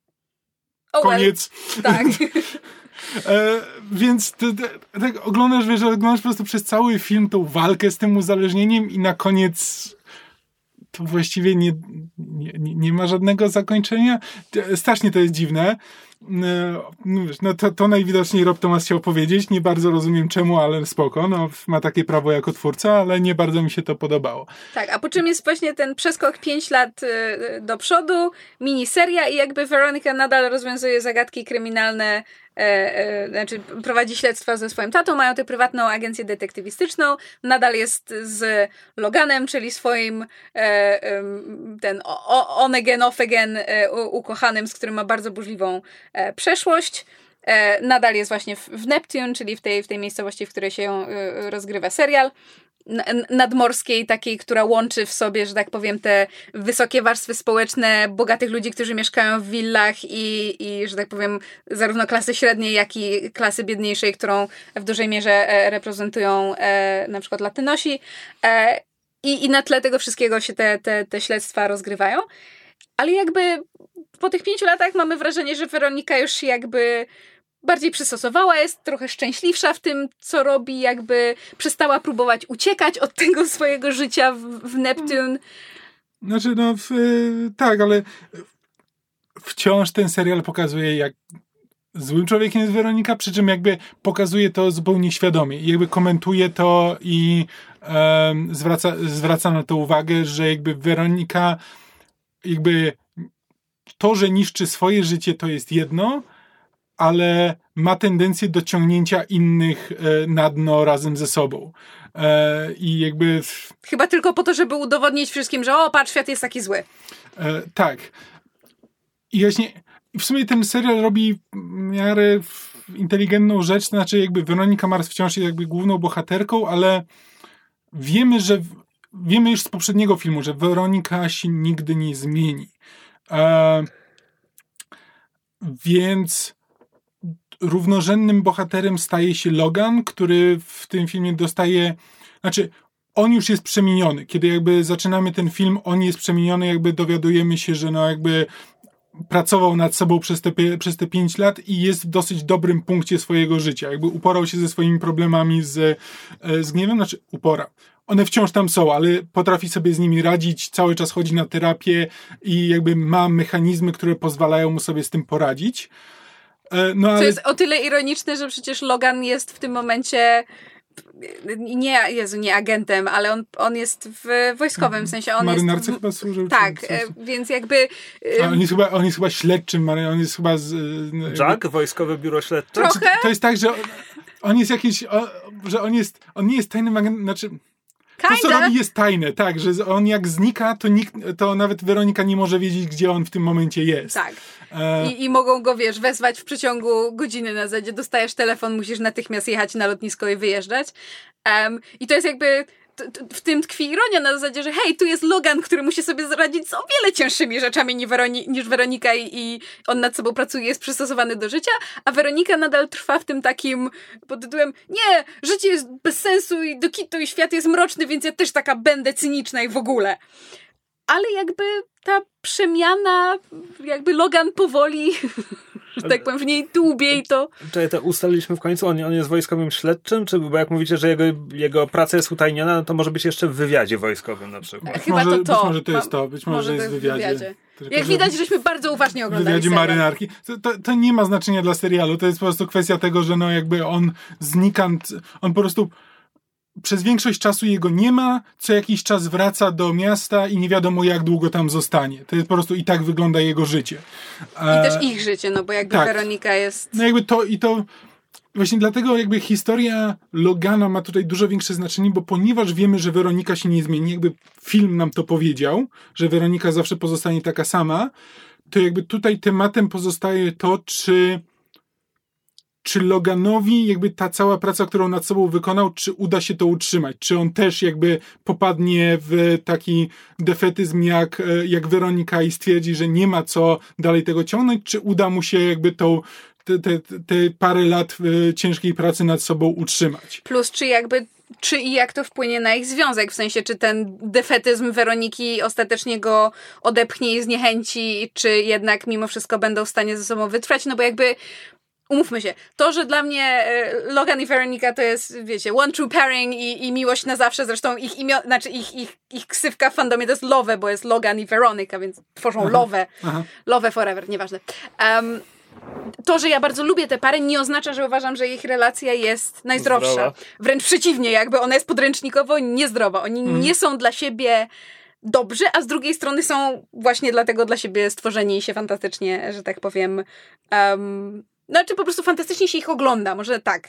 E, są, tworzą parę, która, której relacja po prostu iskrzy na ekranie i, i to widać, to, to jest super. No tak, i w to wszystko jest jakby jest zagadka kryminalna, która jest dosyć ciekawa, ma swoje meandry, ma jakby fałszywe tropy i przyjemnie się to ogląda, jakby jest nad czym się zastanowić, jakby mamy mamy podstawy do tego, żeby tworzyć jakieś teorie, więc to wszystko, e, to wszystko działa jako kryminał, działa jako i jakby przez długi czas działa właśnie jako ten taki um, dramat jakby te z, związku Weroniki i Logana i czym to się zakończy i jakby nie będziemy wchodzić tutaj spoilery, ale zasadniczo finał serialu wyrzuca to wszystko za okno. Znaczy inaczej. Jakby to jest, przez 90% to jest dobry serial, tylko że Nawet po prostu... więcej. 98. Tak, i nawet część wątków ustaje jakby lądowanie, ale Ten serial należy obejrzeć bez ostatnich pięciu minut ostatniego odcinka. Autentycznie. Po prostu bez ostatnich pięciu minut. Bo bez spoilerów, ja, to nawet napisałam na Twitterze, pewne decyzje zostały podjęte i my z Kamilem fundamentalnie się z tymi decyzjami nie zgadzamy. Nie z tego względu, że nas bolą w uczucia, ale z tego względu, że w kontekście serialu jako historii, jako e, nie wiem, kontynuacji zakończenia pewnych wątków, tak, tak. zakończenia wątków jest po prostu bez sensu. Unieważnia cały ten miniserial, a pod pewnymi względami całą historię Veroniki Mars. Tylko po to, żeby utrzymać ramy tego neonuaru Tak. na siłę, bez sensu i to jest po prostu głupie. To jest albo głupie, bezsensowne, albo to jest psz, tanie szokowanie dla taniego Mhm. szokowania.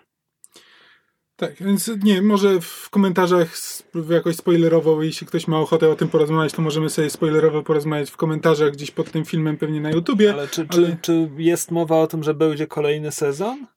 Mm, Nie Nie, wiem, i nie to- wiem, czy to jest y, nie z addendum na razie, czy nie kropka. Mhm.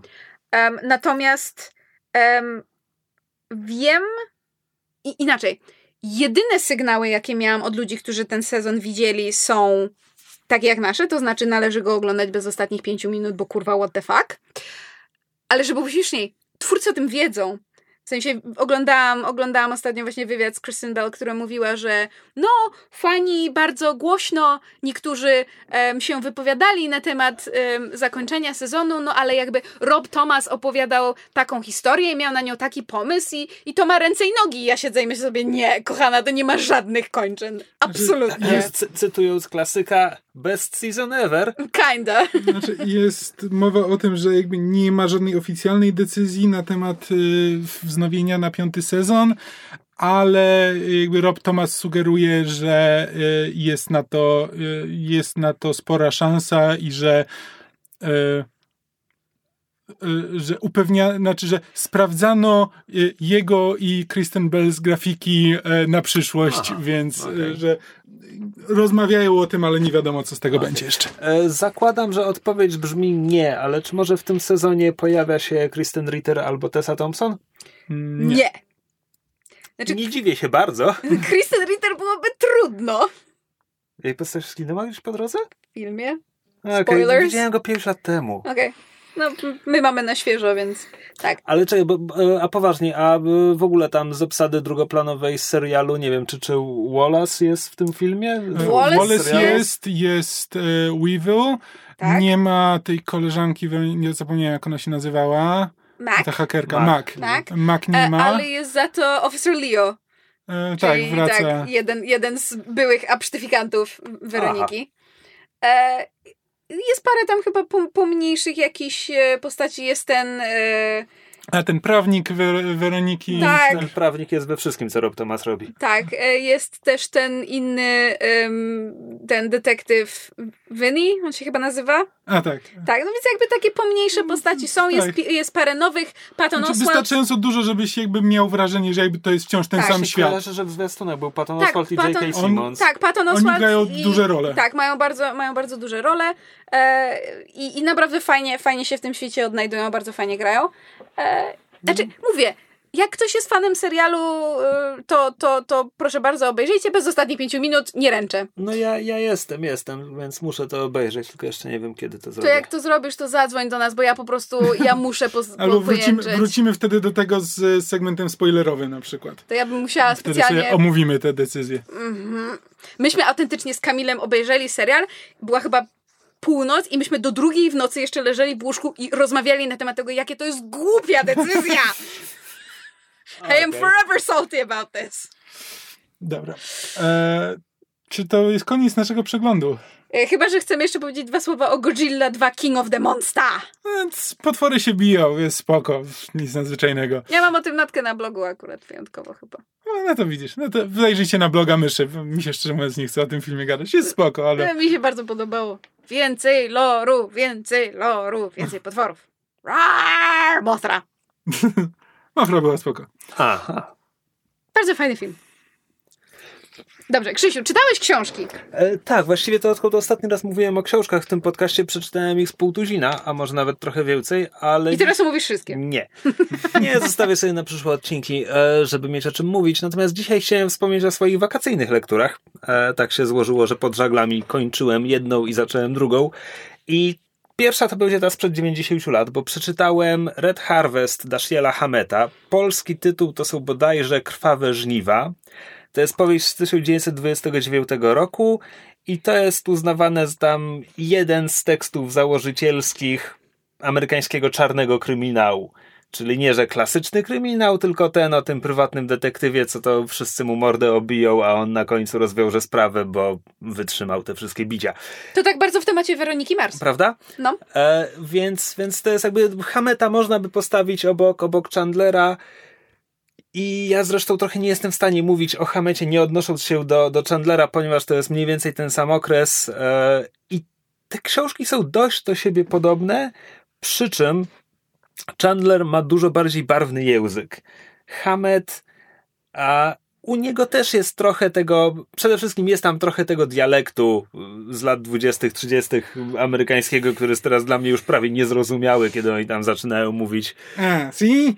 No tak, tak, trochę tak. Give me the dope, e, gamszu i tak dalej. She was a dame with stems to there, see? Ah. No właśnie nie, kiedy zaczynają się już takie porównania i metafory, to jest Chandler. A. Natomiast samo, samo wykorzystywanie tego, t- tego języka, y, tak, to jest tutaj. Natomiast Hammett bardzo często ma takie. Bohater przyjeżdża do miasteczka, bo ma tam zlecenie, bo jest prywatnym detektywem. Jego zleceniodawca zostaje zamordowany tego samego wieczoru, więc on tam próbuje się rozeznać w sytuacji, co się w tym miasteczku właściwie dzieje. I bardzo często to jest tak, że ktoś tam mu coś mówi i w tym momencie wychodzimy z tego dialogu i mamy po prostu streszczenie. Dowiedziałem się od niego i tutaj masz dwie strony opisu sytuacji w mieście. I to się, to się powtarza całkiem sporo razy. E, Bardzo tak e, ekonomicznie, rzekłabym. tak, a jednocześnie to nie jest tak, że to jest sucha książka, że, że tam są tylko fakty, rozwój fabuły i tyle, bo, bo tak nie jest, bo czy czasami, czasami mamy tam dłuższy opis, czasami jest sekwencja, w której bohater ma koszmary, które są bardzo jakby właśnie tak onirycznie opisane. To jest po prostu to jest mam wrażenie, że Hammett jest oszczędnym autorem. W sensie, kiedy chce po prostu przejść do rzeczy, to nie będzie się rozwodził. Nie- każe czytelnikowi czytać całej rozmowy, tylko powie, no i to ważne, czego się dowiedziałem, to, to, to i to. E, Krwawe żniwa to jest pierwsza powieść z cyklu tak zwanego Continental Op, czy może nawet o Continental Opie. Wbrew moim nadziejom to nie jest imię głównego bohatera, on po prostu jest tak znany, ponieważ jest bezimienny. Autor nigdy nie podaje jego prawdziwego imienia i nazwiska. Bohater czasami posługuje się jakimś pseudonimem, ale za każdym razem mówi nam, to jest oczywiście pierwszoosobowa narracja, za każdym razem mówi nam, że po prostu miałem taką wizytówkę. To była jedna z wielu wizytówek, które miałem w portfelu. E, I to jest tak, że on przyjeżdża do tego miasteczka, e, w którym kiedyś były tam silne związki zawodowe, a facet, który praktycznie rzecz biorąc wybudował to miasto, znaczy kopalnie były jego, więc wszyscy pracownicy byli jego, więc jakby wszystko to wyrosło dzięki jego fortunie. E, on w pewnym momencie chciał złamać związki i do tego wszedł w konszachty z przestępcami. E, z zorganizowaną przestępczością, skorumpowaną policją i oni rozbili związki, ale nie wyjechali potem z miasta.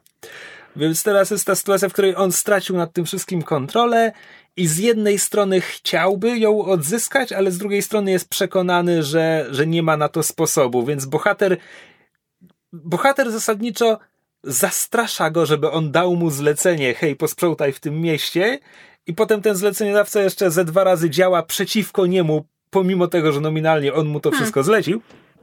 A tymczasem nasz bohater, e, żeby posprzątać to miasto, zaczyna rozgrywać te wszystkie fakcje przeciwko sobie. I teraz, jeśli ta struktura jest, coś wam mówi, może być to dlatego, że Akira Kurosawa nakręcił e, Yojimbo, deklarował inspirację książkami Hameta, nie konkretnie czerwonymi, tfu, krwawymi żniwami, e, ale jakby ludzie wskazują, no, że spośród książek Hameta ta jest w sumie najbliżej. E, a z kolei oczywiście Yojimbo zainspirował potem western, ale nie pamiętam który, no ale to standard, jakby filmy Kurosawy zainspirowały sporo westernów.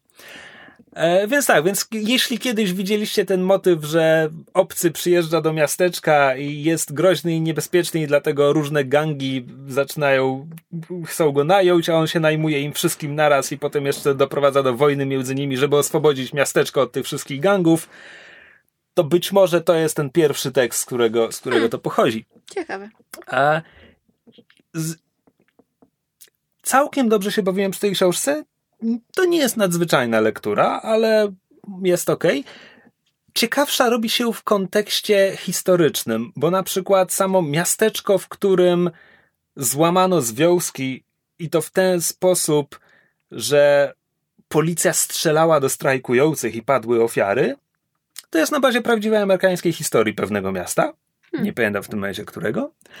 A z kolei główny bohater y, jest nazywany Continental Opem, bo on jest operative'em y, Continental Detective Agency, która jest fikcyjną wersją agencji detektywistycznej Pinkertona, hmm. która była prywatną agencją detektywistyczną działającą na całym terenie Stanów Zjednoczonych, którą rząd amerykański wynajmował, zanim rząd amerykański miał swoje służby federalne. Hmm. Więc zanim powstało FBI, kiedy trzeba było coś zrobić, to zajmowali się tym agenci Pinkertona. Dashiell Hammett był agentem Pinkertona, więc on jakby pisząc to wszystko opierał się na własnych doświadczeniach. E, a przy tym jednocześnie jest, to jest ciekawe, że on miał, e, sam miał lewicowe poglądy. Więc kiedy jest mowa o miasteczku, w którym związki zawodowe zostały rozbite i, jak to potem wpływa na sytuację, no to to, to też wynika po, po części z jego przekonań, z tego jak on patrzył na świat. Więc z całym tym dodatkowym kontekstem krwawe żniwa robią się ciekawszą książką. Dla mnie natomiast same w sobie są całkiem okej. Okay. Niewybitne. Gdybym miał komuś polecać, prawdopodobnie polecałbym raczej któregoś Chandlera o, o Philipie Marlowe ale myślę, że kiedyś jeszcze wrócę do, do Hameta i, i zapoznam się z kolejnymi jego książkami. Hmm. Natomiast drugą rzeczą, którą zacząłem czytać na wakacjach, był e, Alphabet Squadron Aleksandra Frida, czyli Eskadra Alphabet. To jest powieść gwiezdnowojenna e, z nowego kanonu. Ona się ukazała zaledwie tam, nie wiem, 2-3 miesiące temu. I kiedy została. Y, tytuł książki bierze się od tego, że opowiada o grupie pilotów, z których każdy lata innym myśliwcem. Mówimy o pilotach rebelii, czy w tym momencie już Nowej Republiki, więc Czyli tam. tam jakieś X, Y. A-Wing, B-Wing, whatever. U-Wing, X-Wing, y, Y-Wing, tak.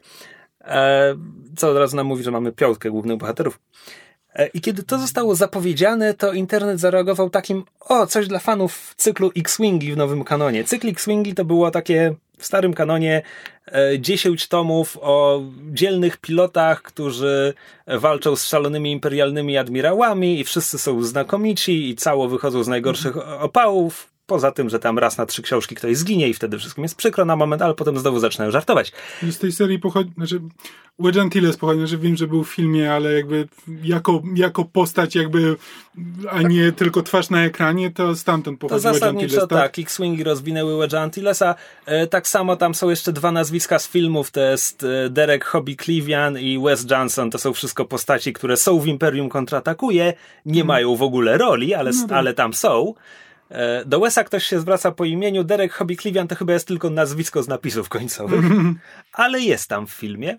E, I tak, jako, jak, to są książki, które uczyniły z nich pełnoprawne postaci. Tak, więc to były X-Wingi.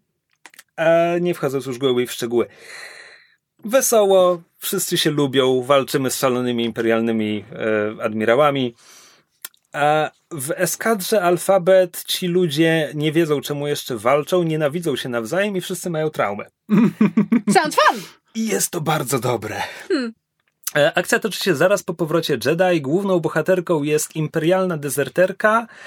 E, To jest książka, w której ważne jest szersze Expanded Universe, ale nie, że konkretnie no, musisz znać te trzy książki, e, czy nie, że konkretnie musisz znać na wyrywki trzeci plan filmów, bo w ogóle z filmów nikogo tu nie ma.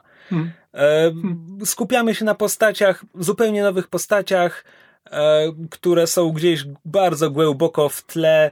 Jeden z pilotów brał udział w ataku na drugą Gwiazdę Śmierci. Nie ma złudzeń, że robił tam coś ważnego. Księżniczkę Leję kojarzył z rebelianckiej propagandy. Kropka.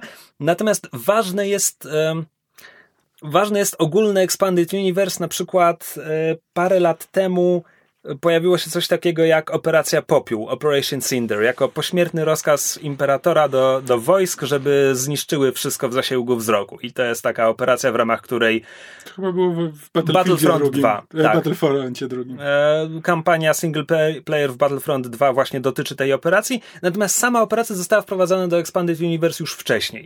E, ponieważ podkreślę to, ja to o tym mówię raz na jakiś czas, ale Disney Disney naprawdę prowadzi Gwiezdne Wojny jako historię multimedialną, gdzie to wszystko naprawdę się zazełbia. W dużo większym stopniu niż, niż, e, niż wcześniej.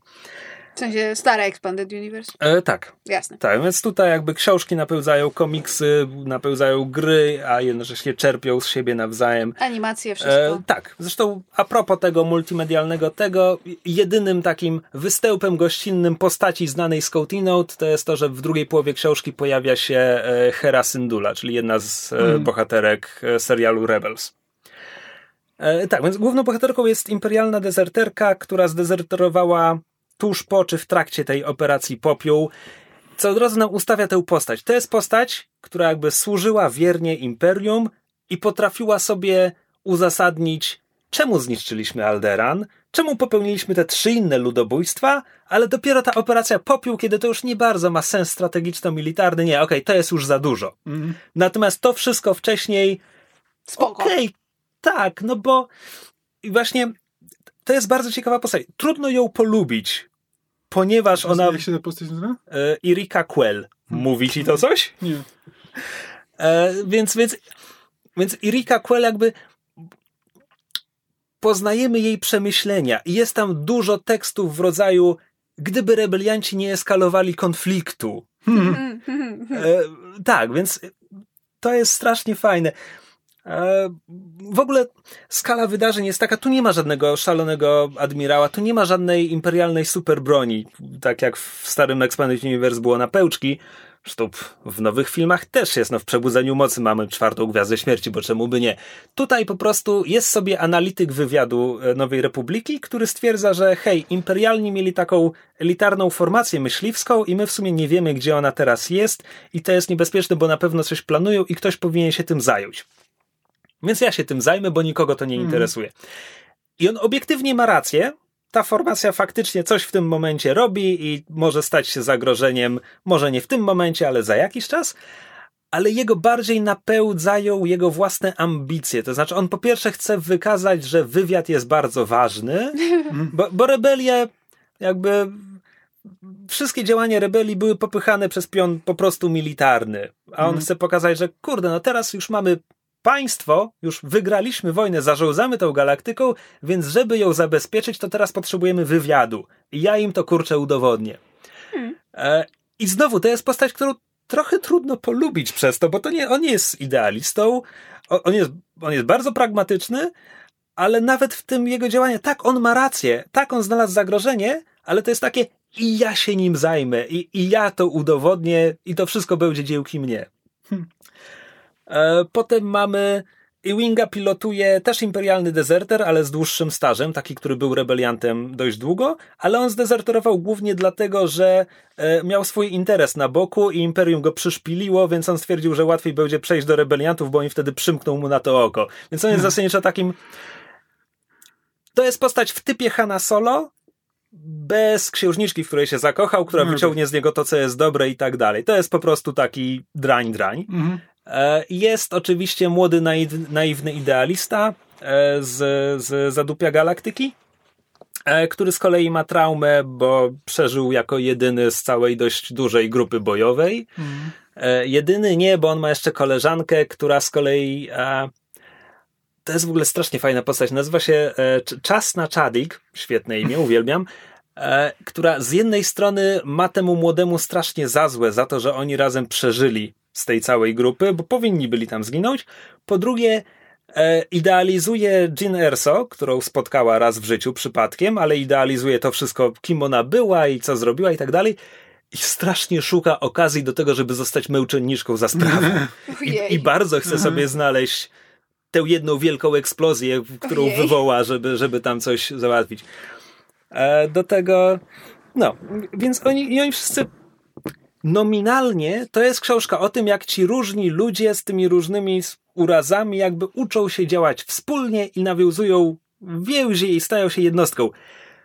Problem w tym, że oni tak trochę sobie zdają sprawy, sprawę y, z tego, że, że są tą kliszą i to jest takie, takie trochę, kurczę, my się znamy dopiero od miesiąca i to jest takie trochę fałszywe, że udajemy, że jesteśmy przyjaciółmi, ale kurde, ja strasznie potrzebuję tych związków, więc dobra, będę udawał, bo, bo, bo takie udawanie jest lepsze niż bycie samym w tej No tak, sytuacji. niż alternatywa. E, tak, więc może już przestanę streszczać e, książkę bardziej ogólnie.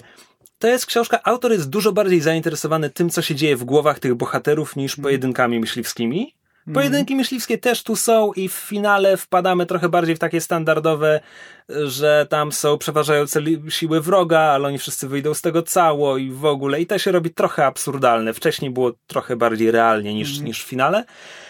A, I to jest też książka, gdzie autor daje sobie czas, żeby te postaci rozwijać, żeby coś się wydarzyło i potem przyglądamy się temu, jak postaci na to reagują i przyglądamy się temu bardzo długo. Znaczy, eskadra jako taka zbiera się gdzieś w połowie książki, więc mamy tu zaskakująco powolne tempo, jak na powieść gwiezdnowojenną i jest to dużo bardziej introspektywna rzecz niż Kurde, w starym kanonie była powieść pod tytułem Ja Jedi, to jest chyba wciąż jedyna, która miała pierwszoosobową narrację i to była książka, gdzie była eksploracja głównego bohatera, bo pierwszoosobowa narracja zobowiązuje. I tak sobie myślę, że poza tym to trudno mi wskazać drugi taki tytuł. Ogólnie to jest tak, si- sięgając po tę książkę myślałem, że to jest e, standalone. Byłem mniej więcej w połowie, kiedy doczytałem w internecie, że to pierwsza część trylogii i tak jak nie lubię serii fantasy science fiction, jakby mówiłem już o tym w podcaście wielokrotnie. Autentycznie pamiętam, że się ucieszyłem, kiedy to przeczytałem. Kiedy było, o, będą jeszcze dwie książki o tych bohaterach, o, czyli nie będziemy popełzać, nie będzie tak, że na szybko ich wątki zostaną tutaj rozwiązane. Okej. E, Więc strasznie się z tego ucieszyłem, będę na to czekał. E, w ogóle to jest dla mnie jedna z najlepszych z tych gwiezdnowojennych książek. Kropka. Nie, że z nowego kanonu. Z nowego kanonu to jest spoko, bez problemu, ale też przypomnę sobie te kilkadziesiąt ton makulatury, e, które przeczytałem przez lata. Moim zdaniem nie będę mówił, że to jest obiektywnie jedna z najlepszych rzeczy. Na pewno jest to Mhm. jedna z rzeczy, które najbardziej mi się podobały z tego wszystkiego. Znaczy, to, to autentycznie jak o tym opowiadasz, to brzmi strasznie ciekawie i aż mam ochotę spróbować te, ten, po to sięgnąć. Dla mnie brzmi jak drużyna dedeków. Pewnie przeczytam.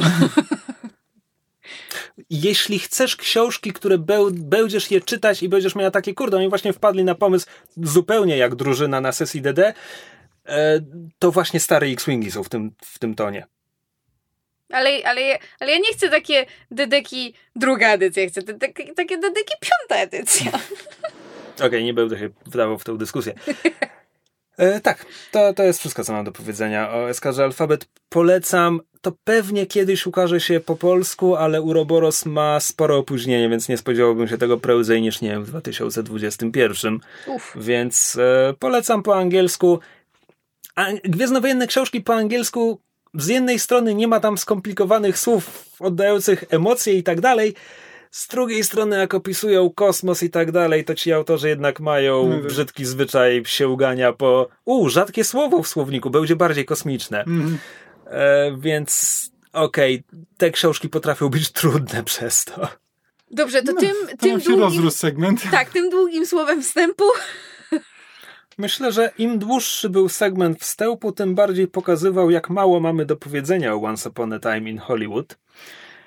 Bo co, byliśmy wszyscy na najnowszym dziele Quentina Tarantino. To jest jego dziewiąty film. E, Quentin Tarantino jest jednym z tych autorów, którzy zarzekają się, że zrobią X i przejdą na emeryturę. On zawsze mówił, że zrobi 10 filmów. Więc to byłby jego przedostatni. Z drugiej strony, jak wyciekł scenariusz The Hateful Eight, to strzelił focha i powiedział, że w takim razie, jak żeście go przeczytali, to go nie nakręcę, a potem odszczekał i nakręcił, więc ja tam w niego, nie, ja tam jego słowom nie wierzę. Tak, ale z drugiej strony oglądając e, Once Upon i tak dalej, e, po raz pierwszy oglądając film Quentina Tarantino miałem wrażenie, że oglądam film nakręcony przez starego człowieka. Więc, Tak, więc może on faktycznie już zaczyna... A potem, a potem ja sprawdziłem, ile on właściwie ma lat. On jest jeszcze przed sześćdziesiątką. Mm. To nie jest film, który Ale dla mnie powinien robić Quentin- człowiek przed Quentin sześćdziesiątką. Tarantino jest starym człowiekiem już od dłuższego czasu. Ale czekaj, bo, bo teraz tak. To jest film o Hollywood e, 1969. Ta Tak data jest bardzo, bardzo ważna, przełomowa i w ogóle i poznajemy tam, najpierw obserwujemy kilka dni z lutego tego roku, a potem jest przeskok w czasie i finał rozgrywa się w sierpniu. Quentin Tarantino miał bodajże 6 lat w 69, więc to nawet nie jest tak, że twórca robi film o swoim mieście, swojej młodości. tak, on To jest tak, to jest tak wyobrażeniu jakbyśmy, sobie. Kamil, jakbyśmy ty i ja zrobili film o P, e, nie PRL-u, o, o tym jak się bawili ludzie w Warszawie w 93, kiedy myśmy chodzili do przedszkola. No tak. To jest dziwne. Mhm. E, no dobrze, ale mamy film, który dotyczy...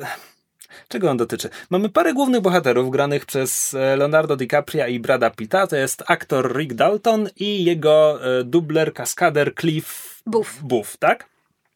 A, którzy y, mieli karierę parę lat wcześniej w telewizji, ale Rick Dalton stwierdził, że odnoszący sy- sukcesy serial westernowy, w którym gra, to dla niego za mało, więc on odejdzie i będzie robił karierę w filmach. Tylko, że w filmach go nie bardzo chcieli. Tak, więc odszedł, serial został zawieszony, czy znaczy skasowany, a kariery w filmach jak nie było, tak nie ma, w związku z czym teraz po, po paru latach e, Gra pomniejsze rulki, głównie z Woli w różnego rodzaju serialach.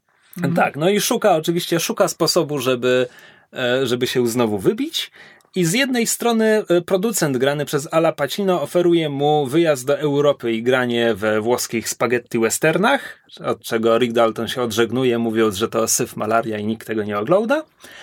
E, A z drugiej strony do, do rezydencji obok właśnie wprowadził się e, Roman Polański z Sharon Tate, więc Rick bardzo liczy, że hej, może kiedyś zaproszą go po sąsiedzku na imprezę na basenie i tam wtedy na pewno się uda, ktoś go dostrzeże. Tak, bo w Hollywood tak się bardzo często zaczynają kariery. Pod tytułem Chodzi o to, kogo znasz. Tak, no i trochę przez ten związek e, geograficzny, że są blisko, blisko siebie, kamera raz na jakiś czas wraca do Sharon Tate, granej przez e, Margot Robbie, która tanecznym krokiem przechodzi przez Hollywood i tańczy i zasadniczo nie jest Sharon Tate, tylko jakąś nimfą hollywoodzką w tym filmie. A i to się dzieje przez dwie godziny. Nie, nie, jeszcze, jeszcze Cliff Booth y, jeździ samochodem po, po Los Angeles. Nie, tam wszyscy jeżdżą samochodami po Los Angeles. Ale on jeździ bardzo dużo. To prawda. E, Jest dużo jeżdżących samochodów po Los Angeles. E, Do tego mamy.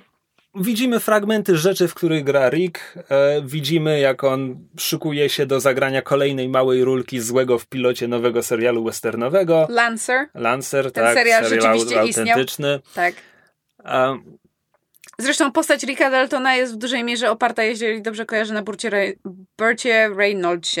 W sensie jakby ten serial, ten fikcyjny serial, Bounty Low. tak, e, który w, w filmie Tarantino był tym właśnie big breakiem Ricka Daltona, jest oparty na serialu, o Boże, zapomniałam teraz jak on się nazywał. A tak dobrze ci szło. A tak dobrze mi szło, a żeby było śmiesznie jeszcze dzisiaj sprawdzałam, żeby się upewnić. W każdym To razie... poczekaj, po- drodze mogę powiedzieć, że Burt Reynolds miał wystąpić e, w tym filmie, Tak, tylko że miał, zmarł. niestety zmarł, tak, zmarł w, w, przed tym, jak film wyszedł i, i jego rolę trzeba było re- recastować i dokręcić fragmenty. Um, natomiast tak, postać, postać Ricka Daltona grana przez Leonardo DiCaprio była oparta o kilku właśnie takich aktorów, em, e, że tak powiem, z, z, z dawniejszych czasów, którzy, których kariery się potoczyły e, mniej lub bardziej em, że tak powiem, korzystnie. Tu nie chodzi konkretnie o Berta Reynoldsa. E, W wypadku Berta Reynoldsa jest większe nawiązanie takie, że z kolei postać Cliffa Buffa była oparta o e, dublera i kaskadera Berta Reynoldsa, jakby cała przyjaźń Ricka Daltona i Cliffa Buffa była oparta właśnie o relację Berta Reynoldsa z jego kaskaderem. Jakby tam dużo było tych, e, tych na, takich nawiązań i, i, i Quentin Tarantino bardzo sobie, że tak powiem, em, hojnie czerpał e, z, z, z, z, że tak powiem, właśnie z, starszego nieco Hollywood, tam jak się te różne przyjaźnie zakulisowe rozgrywały. E, Tam... Oceniając po liczbie odcinków, w których wystąpił Burt Reynolds, wychodziłoby na to, że chodzi o serial Gunsmoke. E, Wiesz co, ja to patrzyłam na Wikipedii i nie wiem, czy to o to chodziło. No bo wcześniej nie ma serialu, w którym by grał tyle. Być może. E, w każdym razie e, i- jest też e, oprócz e, Sharon Tate, Romana Polańskiego, którzy się tam przewijają jako postacie autentyczne, jest też Umówmy się, Sharon Tate jest na ekranie sporo czasu, Roman Polański nie. Nie, no ale jakby z postaci. Chodzi mi o to, że z postaci autentycznych e, jest też. Um, No z postaci Bruce autentycznych Lee. jest Bruce Lee, jest Steve McQueen, Tak. zresztą człowiek, z którym Rick Dalton gra w tym pilocie Lancera, to też był autentyczny aktor. Tutaj gra go Timothy Olyphant, tak, on się nazywał Jace, coś tam. Stewart albo coś takiego, nie pamiętam. Tak, w każdym razie e, Quentin Tarantino bardzo sobie, że tak powiem, e, dowolnie miesza e, postaci i, i, i, dzieła autentyczne z fikcyjnymi. To się tam splata w taki, że tak powiem, arras. Jak ktoś właśnie jest fanem klasycznego Hollywood, to wyłapie te nawiązanie. Jak nie, to właściwie będzie mu wszystko jedno, czy coś jest autentyczne, czy nie. Tak, no i zresztą, kiedy widzimy w czym grywał Rick Dalton, jak przygotowuje się do roli, czy tak dalej, to często jest, e, obserwujemy tutaj wycinek, au, na ekranie pojawia się wycinek z tego fikcyjnego filmu czy serialu, więc tutaj nagle mamy zmieniony o, format e, na ekranie, czasem coś jest w czerni i bieli, e, w pewnym momencie są filmy wojenne, w których występował Rick Dalton, więc jest jakiś tam pastisz kina klasy B, albo kiedy mamy powiedziane, że starał się o rolę w Wielkiej Ucieczce i jest Leonardo DiCaprio wklejony w scenę z Wielkiej Ucieczki, jak to jest jego ta próba przed kamerą. E, to wszystko składa się na taki, chciałbym powiedzieć, kolaż dotyczący tego Hollywood. To jest bardziej kolaż niż konkretna fabuła. Mhm. E, bo zostajemy... Z- zakulisowe, tw- znaczy jakby kulisy tworzenia filmów, bycia aktorem z punktu widzenia jednego aktora, którego kariera w tym momencie jest w takim niepewnym momencie. Tak, no jeśli szukamy tutaj jakiegoś tematu, to znowu nie jest subtelne, bez wprost powiedziane z ekranu. E, to jest kwestia tego starzenia się, poczucia, że twój czas już minął. E, Rick Dalton dosłownie w pewnym momencie mówi o bohaterze książki, którą akurat czyta, że z dnia na dzień czuje się coraz bardziej bezużyteczny. No więc on to mówi o bohaterze i mówiąc to uświadamia sobie, że mówi to o sobie. To nie jest subtelny film pod Nie, tym ale względem. swoją drogą to jest bardzo fajna scena, w sensie jakby... Znaczy, aktorsko on w ogóle jest świetny. Tak. Cały film. E, tu w zasadzie nie ma źle obsadzonej roli, a znaczy Leonardo DiCaprio ma tę trochę niewdzięczną rolę, bo Rick jest on jest taki rozmemułany, to, to nie jest fajna postać. Z jednej strony rozmemłany, a z drugiej strony, ponieważ Rick Dalton bardzo często gra właśnie y, Twardych typów. tw- twardych, złych też bohaterów, bo to należy podkreślić, że on bardzo często gra tych, tych złoli, którym ci, ci, ci dobrzy, pozytywni bohaterowie dają w mordę, żeby, prawda, wygrać, żeby, prawda, dobro zwycięża. To jest jeden jakby z, z argumentów tego e, producenta, którego gra Al Pacino na zasadzie jakby, ja, jeżeli jeszcze, jeszcze dłużej będziesz grał złoli, któremu ci dobrzy dają w mordę, to widownia sobie zarejestruje, że jesteś tym wiecznym przegrywem. I to jest jakby też jeden z argumentów. Em, Natomiast dla mnie było bardzo ciekawe to, że właśnie widzimy całkiem spory fragment kręcenia tego właśnie pilota serialu Lancer, w którym Leonardo, znaczy Rick Dalton gra Zwola i on Postać Ricka Daltona została wystylizowana z, z wąsikiem, z takimi długimi włosami w, w skórzanej kurtce i on wygląda bardzo podobnie do Leonardo DiCaprio jako, on się nazywał Candy, prawda? Do, do swojej roli z Django No to jest Unchained. tak, on w Django był dandysem. To, te, ten, Tak, ale ten jakby... brudny motocyklista, którego gra tutaj zupełnie nie przypomina pana Candiego. Znaczy, Pana Candy? moim zdaniem Candymana. przy, przypo, przypomina pod względem jakby nie wiem, sposobu gry, w sensie jakby złol, w którego wciela się Rick Dalton w Once Upon a Time in Hollywood, to, to jest dla mnie po prostu ten sam jakby kaliber złola, co tam, jak mu tam Candy w Django Unchained. Rozum, Też dlatego, rozumiem, co że- do mnie mówisz, nie miałem tego skojarzenia w ogóle. Znaczy, inaczej, ponieważ jakby to jest Leonardo DiCaprio, to ja nie wiem, czy to jest dlatego, czy- to wyszło przypadkiem, ponieważ po prostu obie postacie gra Leonardo DiCaprio, czy dlatego, że to jest specjalne sp- specjalnie zostało tak zrobione, żeby jakby w jakiś sposób się odnieść do tej poprzedniej roli, którą, którą jakby Leonardo DiCaprio miał. E, jeszcze powiedzieliśmy, że Quentin Tarantino jest starym człowiekiem, jakby jak dla mnie to on od dłuższego czasu jest starym człowiekiem, jakby miałem takie wrażenie, że tutaj jest taki element tego, e, relacji między e, Rickiem i Cliffem. Mam straszne problemy z tymi imionami, nie wiem czemu, ale z, muszę sobie przypominać. Um, to znaczy, Cliff jest tym jakby przyziemnym, zwykłym człowiekiem, czy nie do końca zwykłym, ale jest takim amerykańskim z amerykańskim facetem. Jest, jest takim facetem, o którym śpiewałby Bruce Springsteen. E, Znaczy bohaterem wojennym, który lubi się napić piwa, e, pojeździć sobie, e, pojeździć sobie po mieście, żyje tak normalne życie, kocha swojego psa, e, ale ma, ale ma ciężkie życie, ma, ma cały czas pod górkę. I Ale przy tym jest równym gościem. tak, a, i z drugiej strony mamy, mamy Rika, który, e, e, który jest, jest typowym takim aktorem. Znaczy, najdrobniejsza rzecz może go, może go doprowadzić do, e, do załamania nerwowego jakby potrzebuje e, potrzebuje Cliffa, żeby się nim niejako żywić. Znaczy, potrzebuje mieć to oparcie w, w tym zwykłym, szarym człowieku, a ten zwykły szary człowiek bardzo chętnie stanowi to oparcie. Znaczy, że to, to, to liźnięcie tego hollywoodzkiego życia jest wystarczające, żeby, y, żeby go utrzymać. I mam wrażenie, że tutaj jest jakby taki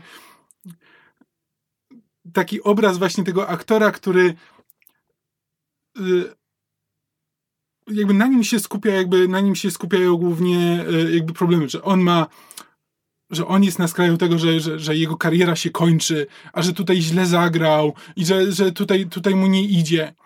Podczas gdy i, i, to wszystko, i to wszystko jest dramatyczne. Podczas gdy mamy Cliffa, który żyje w, żyje w przyczepie, e, wiesz, e, ledwo wiąże koniec z końcem, mieszka ze swoim, mieszka ze swoim psem i tylko robi, wiesz, jest na każdą, e, na każdą posyłkę swojego, swojego pracodawcy i ani razu się nie zająknie, że coś jest nie tak. I jakby nigdy w życiu nie powie, nie powie złego słowa. I nie wiem, czy to jest właśnie takie właśnie takie trochę narzekanie starego człowieka na zasadzie, że a ci aktorzy to nie wiedzą jak mają dobrze i tylko ten, i tylko narzekają, a to jest prawdziwa sól tej ziemi. E, ale jest tutaj ewidentnie jakby zbudowany taki, e, takie przeciwstawienie tych dwóch postaci. Nie jestem pewien, jakby co Tarantino chce powiedzieć, bo ja nigdy nie ufam Tarantino na tyle, żeby, e, żeby mu przypisywać coś naprawdę mądrego do powiedzenia, bo Tarantino, jak mówi w wywiadach, to jakby rzadko kiedy ma coś mądrego do powiedzenia, więc nie chcę się też za bardzo wczytywać, ale e, jest takie przeciwstawienie i jeszcze nie do końca e, chyba rozgryzłem, czy, czy to jest, przy, czy ja się za dużo wczytuję, czy to jest naprawdę tak, tak pokazane, a nawet, a jeśli jest, to, to, to o czym to świadczy w, w tym filmie, bo sam film jest na tyle jakby taką... Rozmemłany? Taką, tak, taką rozmemłaną, że tam niby jest jakaś fabuła, ale to wszystko to są po prostu scenki, które mają bardziej wywołać w tobie poczucie e, tego miejsca i te, jakby to rozmawiałem z Myszą, że mi się to bardzo dobrze oglądało przez e, tam pierwszą godzinę, bo jakby ja wiem, że to nie jest prawdziwy Hollywood. Ja wiem, że jakby Tarantino nie mieszkał w tym Hollywood, jakby to nie jest, to nie jest przedstawienie prawdziwego bajka, miejsca, no. ale, ale jest to wizja na tyle e, dobrze pokazana, że jakby, że czułem to i dobrze mi się, dobrze mi się w tym miejscu przebywało, jak już się wyłączy, że to absolutnie Hollywood tak nie wyglądało. Tak, E, jakby film się nazywa Once Upon a Time. Tak. Dawno, dawno temu. No to jest bajka, to jest Tak, tak. Tarantino bajka o Hollywood. Za siedmioma wzgórzami Beverly Hills. Tak, ale bardzo mi się dobrze oglądało jakby dla tego poczucia miejsca, żeby być w tym Hollywood tak, jak sobie je ludzie wyobrażają. Mimo, że to jest nostalgiczne i nostalgia jest jednym z najbardziej toksycznych impulsów. Jak to Dara, komik Dara O'Brien powiedział, nostalgia jest heroiną starych ludzi. Znaczy, w ogóle tak, aktorsko jest y, rewelacyjny. DiCaprio ma tutaj tę trudniejszą rolę, bo gra tego rozmemłanego gościa, a jednocześnie musi pokazać, jakim on jest aktorem, więc musi zagrać tych twardych typów, a jednocześnie musi zagrać, jak zostaje rozproszony i wychodzi z tych ról, co to, to też są świetne sceny. Tak, znaczy, bardzo trudnym y, wyzwaniem aktorskim jest zagranie złego aktora. I to jeszcze nie takiego złego, który jest po prostu kompletnie nie wie, co robi, tylko że jest w porządku, ale nie do końca, ale czegoś mu brakuje. To jest jednak spore wyzwanie, żeby te... Tak, tak, więc jakby z nich dwóch Brad Pitt miał tę zdecydowanie prostszą, bardziej prostolinijną rolę, a jednocześnie, ja nie pamiętam, kiedy on grał takiego stuprocentowego samca alfa i był tak absurdalnie charyzmatyczny. On jest świetny w tym filmie. E, Znaczy inaczej, ja mam wrażenie, że Brad Pitt zawsze był absurdalnie charyzmatyczny, ale w tym filmie, może dlatego, że dawno go w kinie nie widziałam, rzeczywiście wychodziło to z niego każdym porem. Przy czym raz czy drugi zdejmuje koszulkę, więc jeszcze wszystkimi Też- innymi też porami pomaga, też tak? mu wychodzi, tak. tak, no Margot robi jest Czemu ty zjawiskowa ty i... wymawiasz? To, tego ty się chyba nie No, wymawiasz. Nieważne. E, przepraszam, jeśli chodzi o aktorki imieniem Margot, to jest tylko e, ona i Margot Kids. To jakby nie Jest- mam jest wielu jeszcze- okazji, żeby o niej mówić. Jest jeszcze Margot Martindale, jeśli, jeśli Nie mam pojęcia, kto to. E, w E, każdym razie. E, teraz już tyle razy usłyszałem słowo Margot, że zapomniałem jej nazwisko. robi. Robi, właśnie. E, Margot więc, robi filmy. więc, więc ona jest e, zjawiskowa i eteryczna, jako ta Sharon Tate, która tanecznym krokiem przechodzi przez to Hollywood.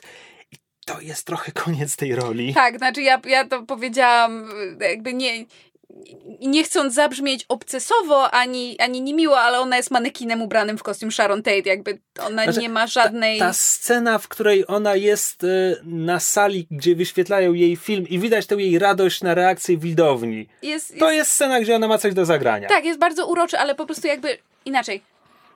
Kamil powiedział te jego interpretacje na temat y, relacji Cliffa i, i, i, i Ricka. O- On mi ją jakby powiedział, kiedy wyszliśmy z kina. Ja miałam takie, wow, ale ty się głęboko w ten film wczytałeś. Ja w ogóle czegoś takiego tam nie zobaczyłam. Po czym wróciliśmy do domu i coś tam rozmawiamy, rozmawiamy. Ja coś tam mówię Sharon Tate, rodzina Mansona. Znaczy, ja właśnie chciałem, chciałem do tego dojść, bo to jest coś, czego, e, do czego ja się muszę przyznać, bo chciałem do, tego, chciałem do tego nawiązać jakby do mojego czytania filmu, bo ono jest zabarwione jakby pewną specyficzną rzeczą. Znaczy, ja z zasady interesuję się amerykańską kulturą, ale mam spory ślepy punkt w postaci true crime. Jakby true crime mnie zupełnie nie interesuje, jakby rzadko kiedy ten... Więc ja przez cały ten film nie wiedziałem, że Sharon Tate była ofiarą e, rodziny Ma- Mansona. Okej, jest E. to dość istotny kontekst. Ja po prostu, ja miałam takie opatrzniki na zasadzie, wow, to o czym dla ciebie był ten film? Ale właśnie to jest, to, po pierwsze, jakby e, nie wiedząc tego, e, rola Margot Robbie jest żadna w tym filmie, Jakby ona, ona tam nic nie robi, nie ma żadnej drogi. Z kolei, jak już to sobie przypomniałem, to e, to zrobiło mi się tak smutno, że o, ona jest ona jest tylko manekinem, który jest w tym filmie po to, żeby nam było smutno, żebyśmy patrzyli na tę kobietę, która miała przed sobą świetlaną przyszłość, która została, została jej odebrana. I to jest cała jej rola. To znaczy, bo dla mnie jakby to była rola o tyle w pewnym sensie niewdzięczna, że ona musiała właśnie z jednej strony być tą trochę. Ja, ja przepraszam, jeżeli to kogoś urazi, ale Manic Pixie Murder Girl. No. Murder Victim Girl. No, dziękuję, dopowiedziałeś, tak, doszczególniłeś. Ale właśnie na zasadzie, że, że z jednej strony właśnie miała być tą efemeryczną nimfą, która tanecznym krokiem przechodzi przez Hollywood i miała przed sobą tę wielką karierę, i to jest takie smutne. A z drugiej strony nie mogła być za bardzo żywym, skomplikowanym człowiekiem, bo po pierwsze, jej rodzina mogłaby mieć co nieco do powiedzenia, gdyby ta postać grana przez Margot Robbie za bardzo odbiegała od, od postaci faktycznej, a byli konsultowani przy tym filmie. A po drugie, mam wrażenie, że gdyby ona była bardziej e, jakby pełnokrwistą postacią, to ten film byłby jeszcze smutniejszy. Znaczy tak, znaczy e, poza tym to, to jest trochę tak, że ponieważ nie wiadomo, w którą stronę by się jej kariera potoczyła, a Hollywood wcale nie było jakby przyjazne dla młodych kobiet, jakby to, że, to, że miała parę ról, po których była znana jakby wcale jakby w Hollywood w latach 60. nie znaczyło, że miałaby potem e, świetlaną karierę przed sobą, to jakby to jest coś, czego właśnie nie, wie, nie mając kontekstu, to jest coś, na co może liczyłem w tym filmie, bo jakby myślałem, że ten film jest po prostu taką mozaiką jakby e, hollywoodzkich tropów, no jakby ludzi, że tak jak mówiłem, no jakby, no, znaczy mówiliśmy o Riku Daltonie, który jest takim typowym, wiesz, aktorem na skraju sławy, a jednocześnie e, kompletnego upadku. E, mamy Cliffa, który jakby chce być przy tym Hollywood, jakby to mu sprawia radość, że jest, że, że w ogóle jest przy filmach. E, myślałem, że Sharon Tate też jest jakby bardziej archetypem młodej aktorki, która jakby jest na skraju też sławy w Hollywood i że to do czegoś będzie dalej dążyło. Ale nie dąży, bo film woli woli się zająć jakby rodziną Mansona i... Ten film nie zajmuje się rodziną Mansona. Znaczy, nie, Oni znaczy są tym, w tym filmie. Znaczy tym wątkiem, tym wątkiem jakby i doprowadzić go tak, żeby finał był związany z, z rodziną Mansona. Przy czym to sprawia, że E, ten film zasadniczo powtarza po prostu główną e, e, główną myśl Bękartów Wojny. To znaczy, no, jakby, że znaczy przynajmniej ja tak to, jak ta, tak to odczytuję. Jakby w Bękartach Wojny mamy finał, w którym nasi bohaterowie pokonują, pokonują Hitlera. Tutaj mamy, spokonują rodzinę, rodzinę Mansona i jakby myśl jest taka, że no Hollywood ma tę e, moc, żeby e, tę te, tragiczną historię przepisać na nowo i sprawić, żebyśmy poczuli się trochę lepiej. I jakby i przy tym i przemoc jest tym e, katarzis, którym mamy, że jakby tych złych ludzi, którzy jakby są odpowiedzialni za te tragedie, dotyka Y, spotyka kara i jakby ta przemoc jest dla nas oczyszczająca. I to jest dokładnie to, co się dzieje jakby w bękartach wojny, jakby na koniec i jakby co, co, y, co jest tą myślą i jest powtórzone tutaj, tylko że tym razem y, najwyraźniej Quentin Tarantino uznał, że poprzednim razem był bardzo blisko zdobycia tego Oscara, więc tym razem jak zrobi film o Hollywood, to już go na pewno dostanie. Znaczy tak, trzy uwagi. Po pierwsze, um, ten film omawiamy w całości spoilerowo. Możesz to wmontować na początek? Spoko. E, po drugie, to jest jednak dla mnie dość dziwne w momencie, gdy Quentin Tarantino zrównuje rodzinę Mansona z Hitlerem i nazistami, biorąc pod uwagę, że to są dwie grupy ludzi, dla których zarezerwował ten los. Po trzecie, to jest tak bardzo niesamowicie przewidywalne w momencie, gdy on już zrobił był karty wojny. I, znaczy, okej, okay, no ja sobie zadawałem pytanie tam przez pierwsze Miałem dużo czasu, żeby zadawać sobie to pytanie To przez pierwsze film. pięć godzin tego filmu. E, w którą stronę to pójdzie. Natomiast ja się interesuję true crime'em. W związku z czym Mhm. w momencie, gdy ta, e, ta jedna wraca do auta i zium odjeżdża, to jest aha, okej, historia alternatywna. Dobra, to ja już wiem, co będzie przez kolejne 15 minut. Mhm. E, więc to było takie. I myśl czwarta. Bo to jest jakaś wewnętrzna schizofrenia tego filmu. Bo z jednej strony Sharon Tate, taka biedna kobieta, tak, taka smutna historia. Oddajmy jej sprawiedliwość. W tym filmie będzie inaczej. W tym filmie pomścimy Sharon Tate i ona przeżyje i jej mordercy zabijemy ich bardzo brutalnie, ugotujemy żywcem miotaczem ognia w, w hollywoodzkim basenie. To brzmi dobrze. Jeden z bohaterów, który to robił, w tym filmie zabija własną żonę i to jest dowcip. Więc Sharon Tate, musimy ją pomścić. Na to zrobimy cały ten film. A jednocześnie odpalimy tę kobietę, Nie no, bo... nie, nie, nie wiemy, że on zabija No daj żonę. spokój. Znaczy inaczej, to jest To jest nawiązanie do autentycznej Tak. hollywoodzkiej historii, tak, ale znowu jakby.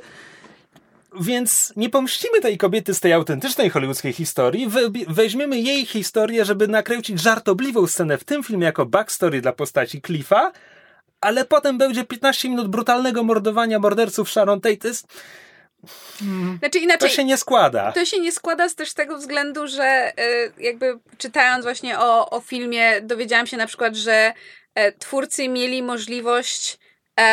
Twórcy y, filmu, ekipa pracująca za kulisami znalazła autentyczny samochód, którym rodzina Mansona e, przyjechała, żeby popełnić morderstwo na Cielo Drive. I oni autentycznie rozważali, żeby ten samochód był na planie, żeby go wykorzystać do filmu.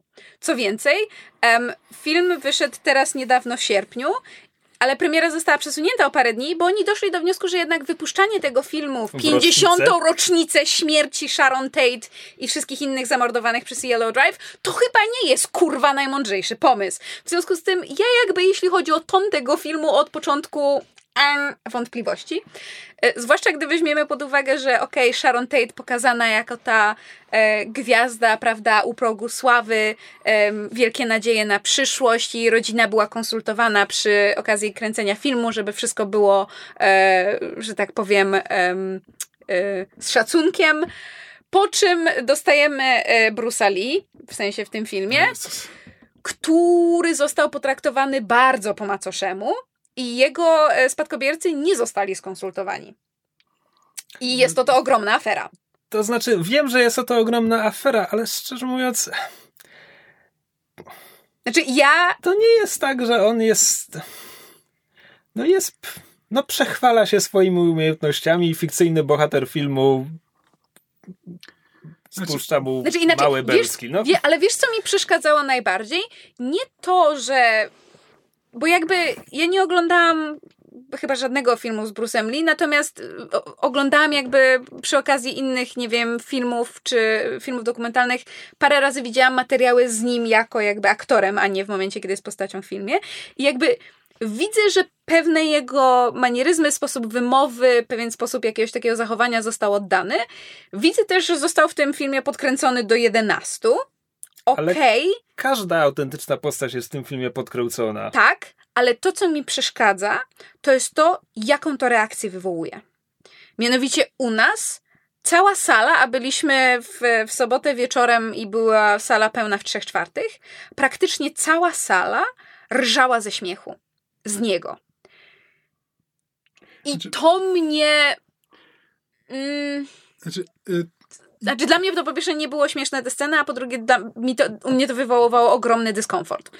Poza tym jest w tym coś.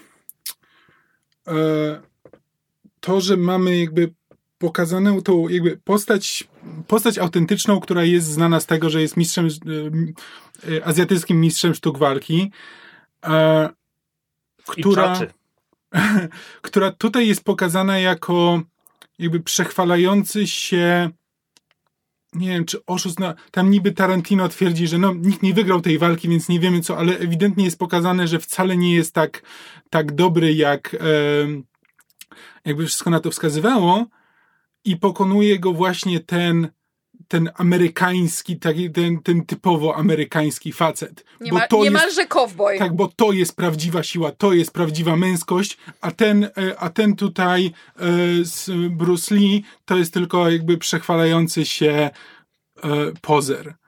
I jakby to zestawienie, jakby samo to, że jakby byłby pokazany jako arogancki, że Bruce Lee jest pokazany jako arogancki, to jest śmieszne, jakby, mm, okej, okay, spoko, ale jakby zestawienie to z postacią, którą gra Brad Pitt, jakby jak ta postać jest napisana, jakby jak bardzo właśnie ona jest typowo amerykańska, jakby to nagle sprawia, że to nabiera e, w, nawet jeśli nie ras, w pewnym stopniu rasistowskiego wydźwięku, a przynajmniej rasowego, jakby jest tam jakiś taki kulturowy, kulturowe spięcie, a nie tylko, wiesz, a nie tylko zabawna scenka pomiędzy, pomiędzy dwoma postaciami.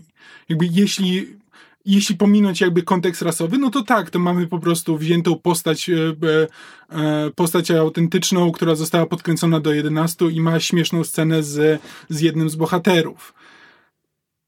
No tylko, że musimy wtedy pominąć ten kontekst jakby kulturowy. Swoją trochę, drogą, mnie, to, trochę mnie to po prostu tak patrzyłem na to i się zastanawiałem, jak właściwie się z tym czuję.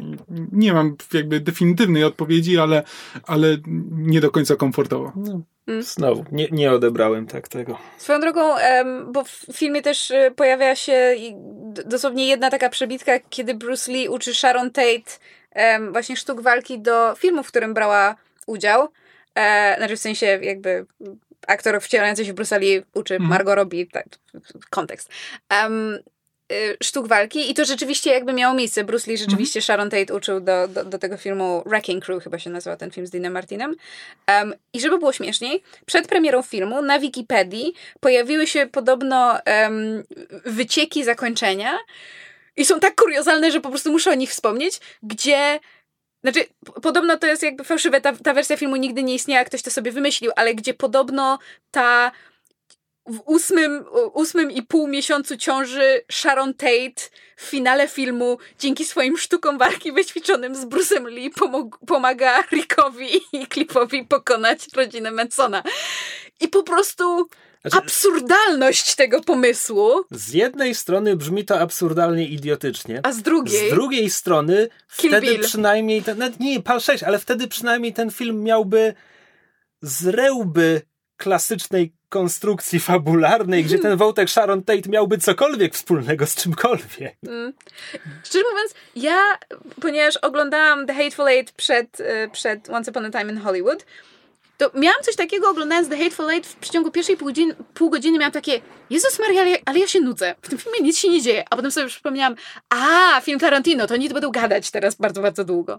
I jak się, zmieniło się moje nastawienie na zasadzie, a, to jest film Tarantino, oni będą bardzo długo gadać i to jest film o e, błyskotliwie napisanych dialogach i e, bardzo dobrych aktorach, którzy grają ile Mówisz tam fabryka dała. Hateful Eight. Hateful Eight, tak. Bo to, to właśnie dla mnie było ciekawe o tyle, że Once Upon a Time ma bardzo naturalistyczne dialogi. Tam nie ma scen z tarantinowskimi takimi Mhm. dialogami, Mhm. że hej, popatrzcie jak jesteśmy zabawni. Co więcej, ponieważ to jest film o ludziach grających w i tworzących filmy z lat 60., nie ma scen rozmów o filmach z lat 60. tak. E, Plus jakby część dialogów ze względu na to, że e, Rick Dalton gra w e, dużej ilości westernów, więc tam też te dialogi są bardzo takie stylizowane na westerny, co akurat mnie szalenie ujmowało, bo jakby moje doświadczenia z westernami są niewielkie, ale gdzieś to takie, no jest ten klimat. Ale chodzi mi o to, że oglądając Hateful Eight miałam takie, o, to jest jakby film Tarantino pod tym względem, że siedzą, bardzo dużo gadają, są dobre występy aktorskie, bo on jakby umie reżyserować swoich aktorów, poza tym zatrudnia bardzo dobrych aktorów, a potem w pewnym momencie zaczyna się przemoc i miałam takie, a, there it is. Przy Once Upon a Time, przy Once Upon a Time in Hollywood Masz te dwie godziny, które cię z... z usypiają twoją tak czujność. ululały. I potem jak dostaliśmy właśnie to takie absurdalnie, po prostu brutalne y, zakończenie, to autentycznie Kamil Świadkiem ja się zaczęłam śmiać, bo miałam właśnie ten efekt katarsis. Tylko problem polega na tym, że właśnie to dwugodzinne ululanie mnie sprawiło, że ja zapomniałam, że to jest film Tarantino i kiedy dostałam tę przemoc, to miałam jasne reakcje śmiechu pod tytułem wow, skąd to się wzięło, ale z drugiej strony potem miałam takie that's a bit much, isn't it? Właśnie A potem miałam ten smutek tego alternatywnego zakończenia pod tytułem to jest, to jest, to jest bajka Tarantino o Hollywood ze szczęśliwym zakończeniem, którego nie dało życie. I zrobiło mi się tak bezbrzeżnie smutno po prostu. A wiecie, zakończenie Bełkartów dla mnie działa, bo mordujemy Hitlera. Mhm. Zakończenie Once Upon a Time in Hollywood jest o tyle dziwne, że to jest morderstwo prewencyjne na trójce nastolatków, którzy w tym momencie jeszcze nikogo nie skrzywdzili. I historycznie wiemy, co się naprawdę wydarzyło, jak bardzo brutalnie zamordowali wszystkich w tym domu, zamordowali ciężarną Sharon Tate i tak dalej. Ale na ekranie nie mam historycznie tych bohater, bohaterów, tfu, tych morderców. Na ekranie mam trójkę zagubionych nastolatków, Którzy przeszli pranie mózgu. którzy przeszli pranie mózgu i przyjechali tutaj z jakimś swoim planem, ale nikogo nie skrzywdzili do tego momentu. I ja nie chcę mówić, że mamy tutaj znęcanie się nad niewinnymi, tylko że w pewien sposób trochę tak. To znaczy, te ekranowe wersje nie zasługują na to, żeby mordować ich 15 minut i przypalać miotaczem ognia. Historyczne? Możemy się sprzeczać. Tak. Ekranowe w tym momencie Mhm. Plus Znaczy, to jest jeszcze, jest... Jakby ja- za, zabijamy Hitlera w momencie, gdy już historycznie wszystko się bardzo źle wydarzyło i miliony ofiar i w ogóle. Spoko. E, ja- miałem jeszcze jakby drugie odczytanie tego e, zakończenia, które jest jakby metaforyczne i jest związane z tym, że właśnie w, e, dla mnie Quentin Tarantino jest starym człowiekiem, który nie potrafi przyjmować krytyki, ponieważ tam jest ten e, jakby mowa o tym, e, oni rozmawiają w samochodzie o tym, że byliśmy wychowani na, na tych filmach. e, pełnych te- przemocy. tak, pełnych przemocy i teraz zabijemy Hollywood.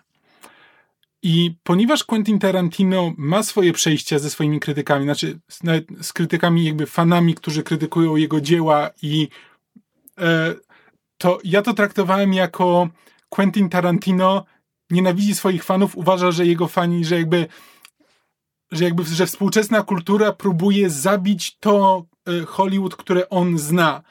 E, że jakby już, e, już jakby te, ta e, hiper, hiperprzemoc, już te takie proste historie nie działają, już ludzie jakby rozbierają to na części, krytykują i Niech tak ktoś dalej. Mu pokaże Dreda. O, tak, i, Dread. tak, ale jakby, ale to się, to się pojawia, znaczy jakby to się wielokrotnie pojawia jakby w rozmowach z Quentinem Tarantino, gdzie jakby w, w jego odpowiedzi na krytykę jego filmów i jakby wczytuję się w to jakby bardzo mocno i jakby zakładam przy tym, że Quentin Tarantino jest bardzo specyficznym rodzajem człowieka, ale miałem taką myśl, czy to jest właśnie, czy to jest trochę tak, że Quentin Tarantino teraz jakby Morduje przykłada na, na tą rodzinę Mansona swoich krytyków, swoich fanów, których nienawidzi. E, Auć. No ja nie ukrywam, że trochę się nudziłem na tym filmie, ale nie na tyle, żeby snuć takie teorie. Nie, nie, ale ja ci mówię, Kamila teorie wynikają z tego, że on nie zrozumiał, że ten film jest o morderstwie Sharon Tate, w związku z tym musiał sobie dopowiadać własne zakończenia. Swoją drogą to jest ciekawe, biorąc pod uwagę, że rodzina Mansona jest w tym filmie, ale to nie jest film o nich. Manson jest w jednej scenie, nie nazwany z imienia. E, zaskoczyło mnie e, z punktu widzenia true crime i tak dalej, zaskoczyło mnie to, że Quentin znalazł miejsce na dwie kwestie, żeby tam e, zawrzeć te wątpliwości, na ile Manson odpowiadał za morderstwa, bo oni w tym samochodzie, tekst w pewnym momencie im mówi, hej, Charlie kazał mi, hej, powiedział mi, przyjedźcie tutaj, zabijcie wszystkich w tym, w tym domu, albo wam kłamie w tym momencie. Myślicie, że wam kłamie? I to jest takie, nie spodziewałem się, że Quentin poświęci miejsce na to, bo te wątpliwości faktycznie istnieją. Jakby Mhm. Charles Manson nie brał udziału w morderstwach rodziny Mansona, więc To na ile za to odpowiada. No, nieważne. Już nie żyje na szczęście. W każdym razie zdziwiło się, biorąc pod uwagę, jak bardzo film nie interesuje się historią rodziny Mansona i przepisuje kompletnie wydarzenia i rzeczywistość, zdziwiło mnie, że Tarantino zawarł tę wątpliwość tutaj mimo wszystko. Plus muszę powiedzieć, że jednak cała ta sekwencja um, Cliffa właśnie na ranchu, e, które e, zamieszkiwała e, rodzina Mansona, Kamil powiedział, że, że dla niego to było ciekawe, dlatego że te sceny się rozgrywają jednocześnie, są przebitki między tymi scenami, a momentami, kiedy właśnie Rick Dalton jest na planie tego westernu pilota Lancera i, i kręci te sceny. I Kamil miał takie ciekawe wrażenie. Znaczy, także takiej paraleli jakby związanej z tym, o czym mówiłem, że jakby Tak. tam, gdzie jakby Rick jest tym aktorem, który cały czas udaje jakby jego drobne w sumie problemy urastają do rangi dramatycznych sytuacji, a Cliff ma autentycznie jakby y, ciężkie życie i nigdy nie narzeka, to jakby mamy te, znowu przeciwstawienie tego, że kiedy e, Rick udaje, że gra w, e, w, w westernie i to jest wszystko nakręcone tak poważnie i, i to jest ten moment, w którym też on ma te, e, zaczyna wątpić w siebie i to jest, to jest ten jego przełomowy moment, to w tym momencie Cliff jakby bierze Przeżywa udział w rzeczywistym, bez- tak, w rzeczywistym westernie. Tak, i, i właśnie chciałam powiedzieć, że cała jakby ta sekwencja na, na ranczu, to jakby to, to, jak to napięcie się powoli buduje i Cliff coraz bardziej się orientuje w, trochę w tym, gdzie się znalazł, to jest jakby w, tym, w całym tym filmie, który jest w różnym stopniu rozmemłany, to jest bardzo dobra moim zdaniem sekwencja i jakby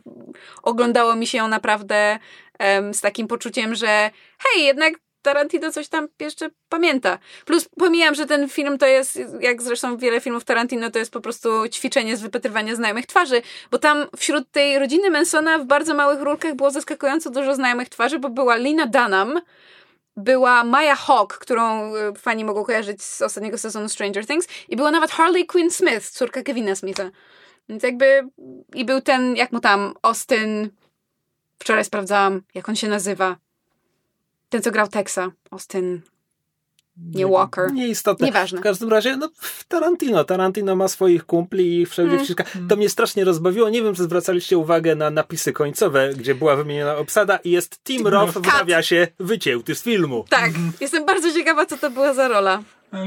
Pewnie, pewnie jeszcze zobaczymy tę scenę na jakimś DVD. Tak, ale tak jak, tak jak nie ma tu typowo tarantinowskich dialogów w większości, to e, strasznie spodobała mi się puenta historii opowiadanej przez Steve'a McQueena, kiedy ta kobieta, której, której ona to opowiada, po, podsumowuje wszystko, że a, no, że, że e, Sharon Tate e, ma swój typ mężczyzny.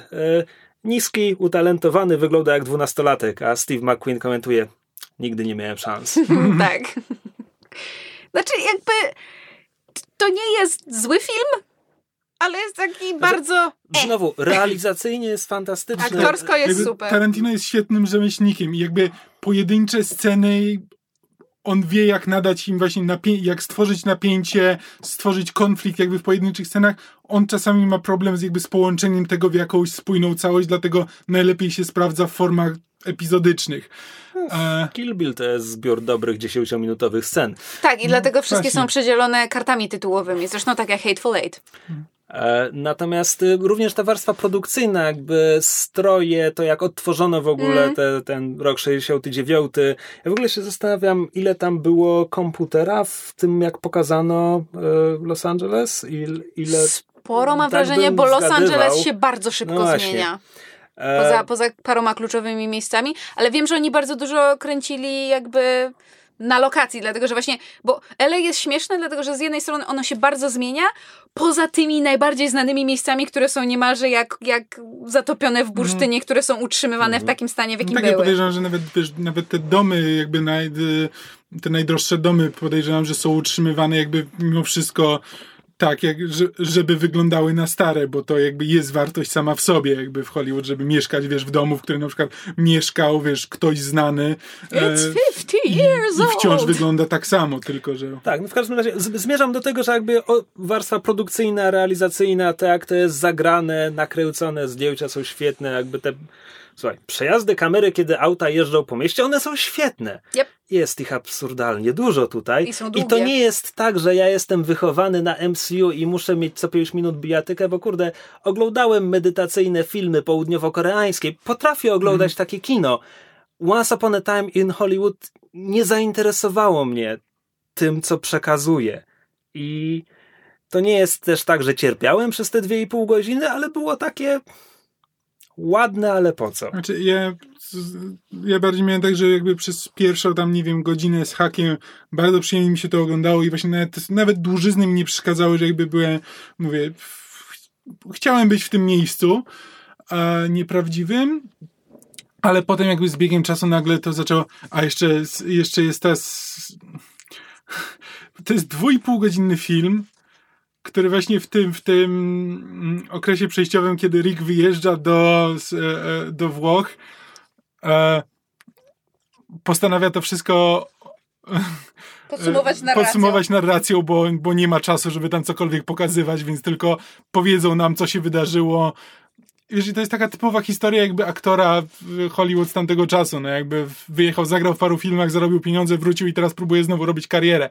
Zasadniczo wiele tam mu się w, w tym jego życiu nie zmienia. Kurczę, A- mi się ta włoska sekwencja mi się strasznie podobała. Ja się zacząłem zastanawiać, co by było, gdyby tej formy było w tym filmie więcej.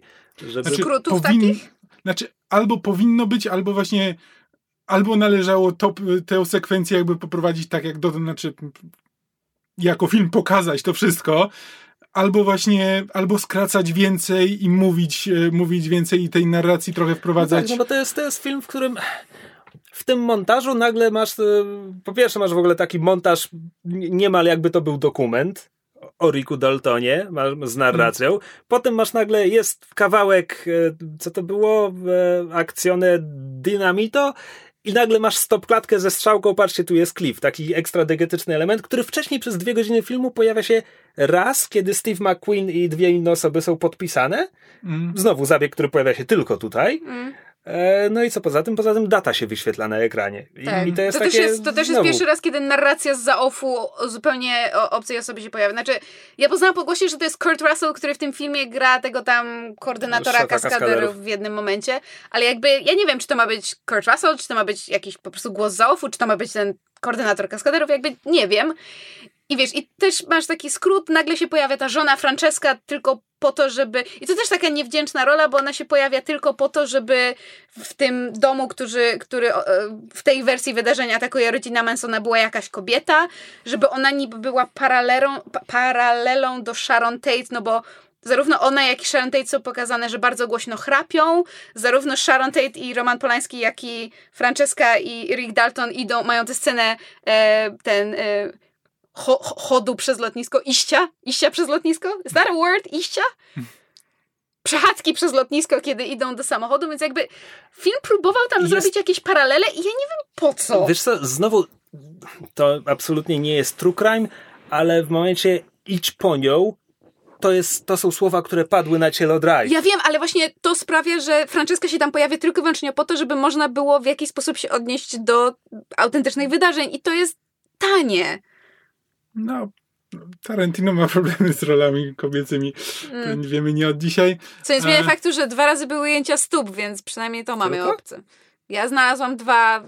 W momencie, kiedy Sharon y, ogląda swój własny film w kinie, to położyła gołe stopy na oparciu przez sobą, to jest jedno, a drugie, kiedy Cliff podwozi tę jedną z y, te A, bo, bo, bo, ty, bo ty liczyłaś tylko bose stopy. bosy stopy. Nie, ja liczyłem też stopy w butach, to wtedy A nie, jest nie, dużo, to, dużo, to, to, to więcej. Cliffa stopy są ze trzy razy. Mówiłem o kobiecych stopach, ale spoko. Aha. E, Potato, potato. E, tak, co jeszcze mogę dodać o tym filmie? Bardzo podoba mi się ta jedna scena, w której Roman Polański robi cosplay. Um, Austina Powersa? tak, dokładnie. Mm, Tak. tak, tak. No nagrał się, nie? Znaczy, ja nie wiem, czy ktokolwiek miał złudzenia, że, że Rafał Zawierucha będzie miał ogromną rolę w tym filmie. No, internety były bardzo zawiedzione. E, ale, ale tak, to jest, to jest fakt, że to jest film, w, w którym więcej słyszymy o Polańskim niż Polański jest na ekranie. Mm. Um, ja się chyba wyprztykałem. Tak, myślę, że No to tak, tyle, co mieliśmy do powiedzenia mieliśmy. o tym filmie. E, a ja, żeby e, kontynuować ten jakże radosny wątek rodziny Mansona, e, od jutra oglądam drugi sezon Mindhunt- Mindhuntera, co jest o tyle e, drobna ciekawostka, że aktor, który w Once Upon a Time in Hollywood wciela się w Mansona, który się pojawia dosłownie na jedną scenę, gra też Mansona w Mindhunterze. Już mogli pójść dalej, mogli też wziąć aktora, który gra Texa w Mind, Mindhunterze. No nie? Tylko, że akcja Mindhuntera rozgrywa się naście lat później, więc on nie mógłby zagrać takiego chłopaczka raczej. No tak. Ale będę kontynuować true crime'owe wątki. No. I to tyle. Dziękujemy Wam bardzo za uwagę. Mamy nadzieję, że ten y, nieco większy chyba niż zwykle treściowo odcinek po naszej wakacyjnej przerwie Wam przypadł do gustu. Jak zwykle czekamy na Wasze komentarze, sugestie, pytania, I don't know, krytykę, I guess, em, pod naszymi normalnymi em, social mediami, pod odcinkiem na YouTubie, po, na fanpage'u podsłuchane.pl, który jest teraz fanpage'em Myszmasza, o czym przypominamy, bo zrobiliśmy pewien drobny e, e, ten, pe, pewną drobną zmianę. Możecie nam wysyłać maile. Wszystkie adresy są na stronie podsłuchane.pl. E, Tak, i mamy też o ogłoszenie, bo za dwa tygodnie e, jakby będzie odcinek Myszmasza, jakby zgodnie z, z wszystkim, tylko że postanowiliśmy zrobić e, coś innego, na ten, więc będzie na żywo, zrobimy sobie live'a e, podsumowującego niejako wakacje, a Tak. to będzie akurat, to będzie koniec, końcówka sierpnia, znaczy początek września, e, więc e, będziemy tam mówić na temat jakby Wakacji w popkulturze, szeroko pojętych. I to będzie live 2 września. E, godziny jeszcze nie mamy ustalonej, będziemy na naszych social media wszystko ogłaszać, e, więc będziecie poinformowani. I odcinek oczywiście potem będzie dostępny też jako normalny odcinek podcastu, wszędzie tam, gdzie można słuchać podcastów. Tak, i będziecie nam mogli zadawać pytania w trakcie odcinka. Na live, na czacie. Bardzo zachęcamy, bo lubimy odpowiadać na pytania. Możecie brać czynny udział w nagraniu odcinka. No. Zamiast tylko krzyczeć na nas tak, że nie słyszymy, kiedy odsłuchujecie te odcinki w komunikacji miejskiej, jak czasami to ma miejsce.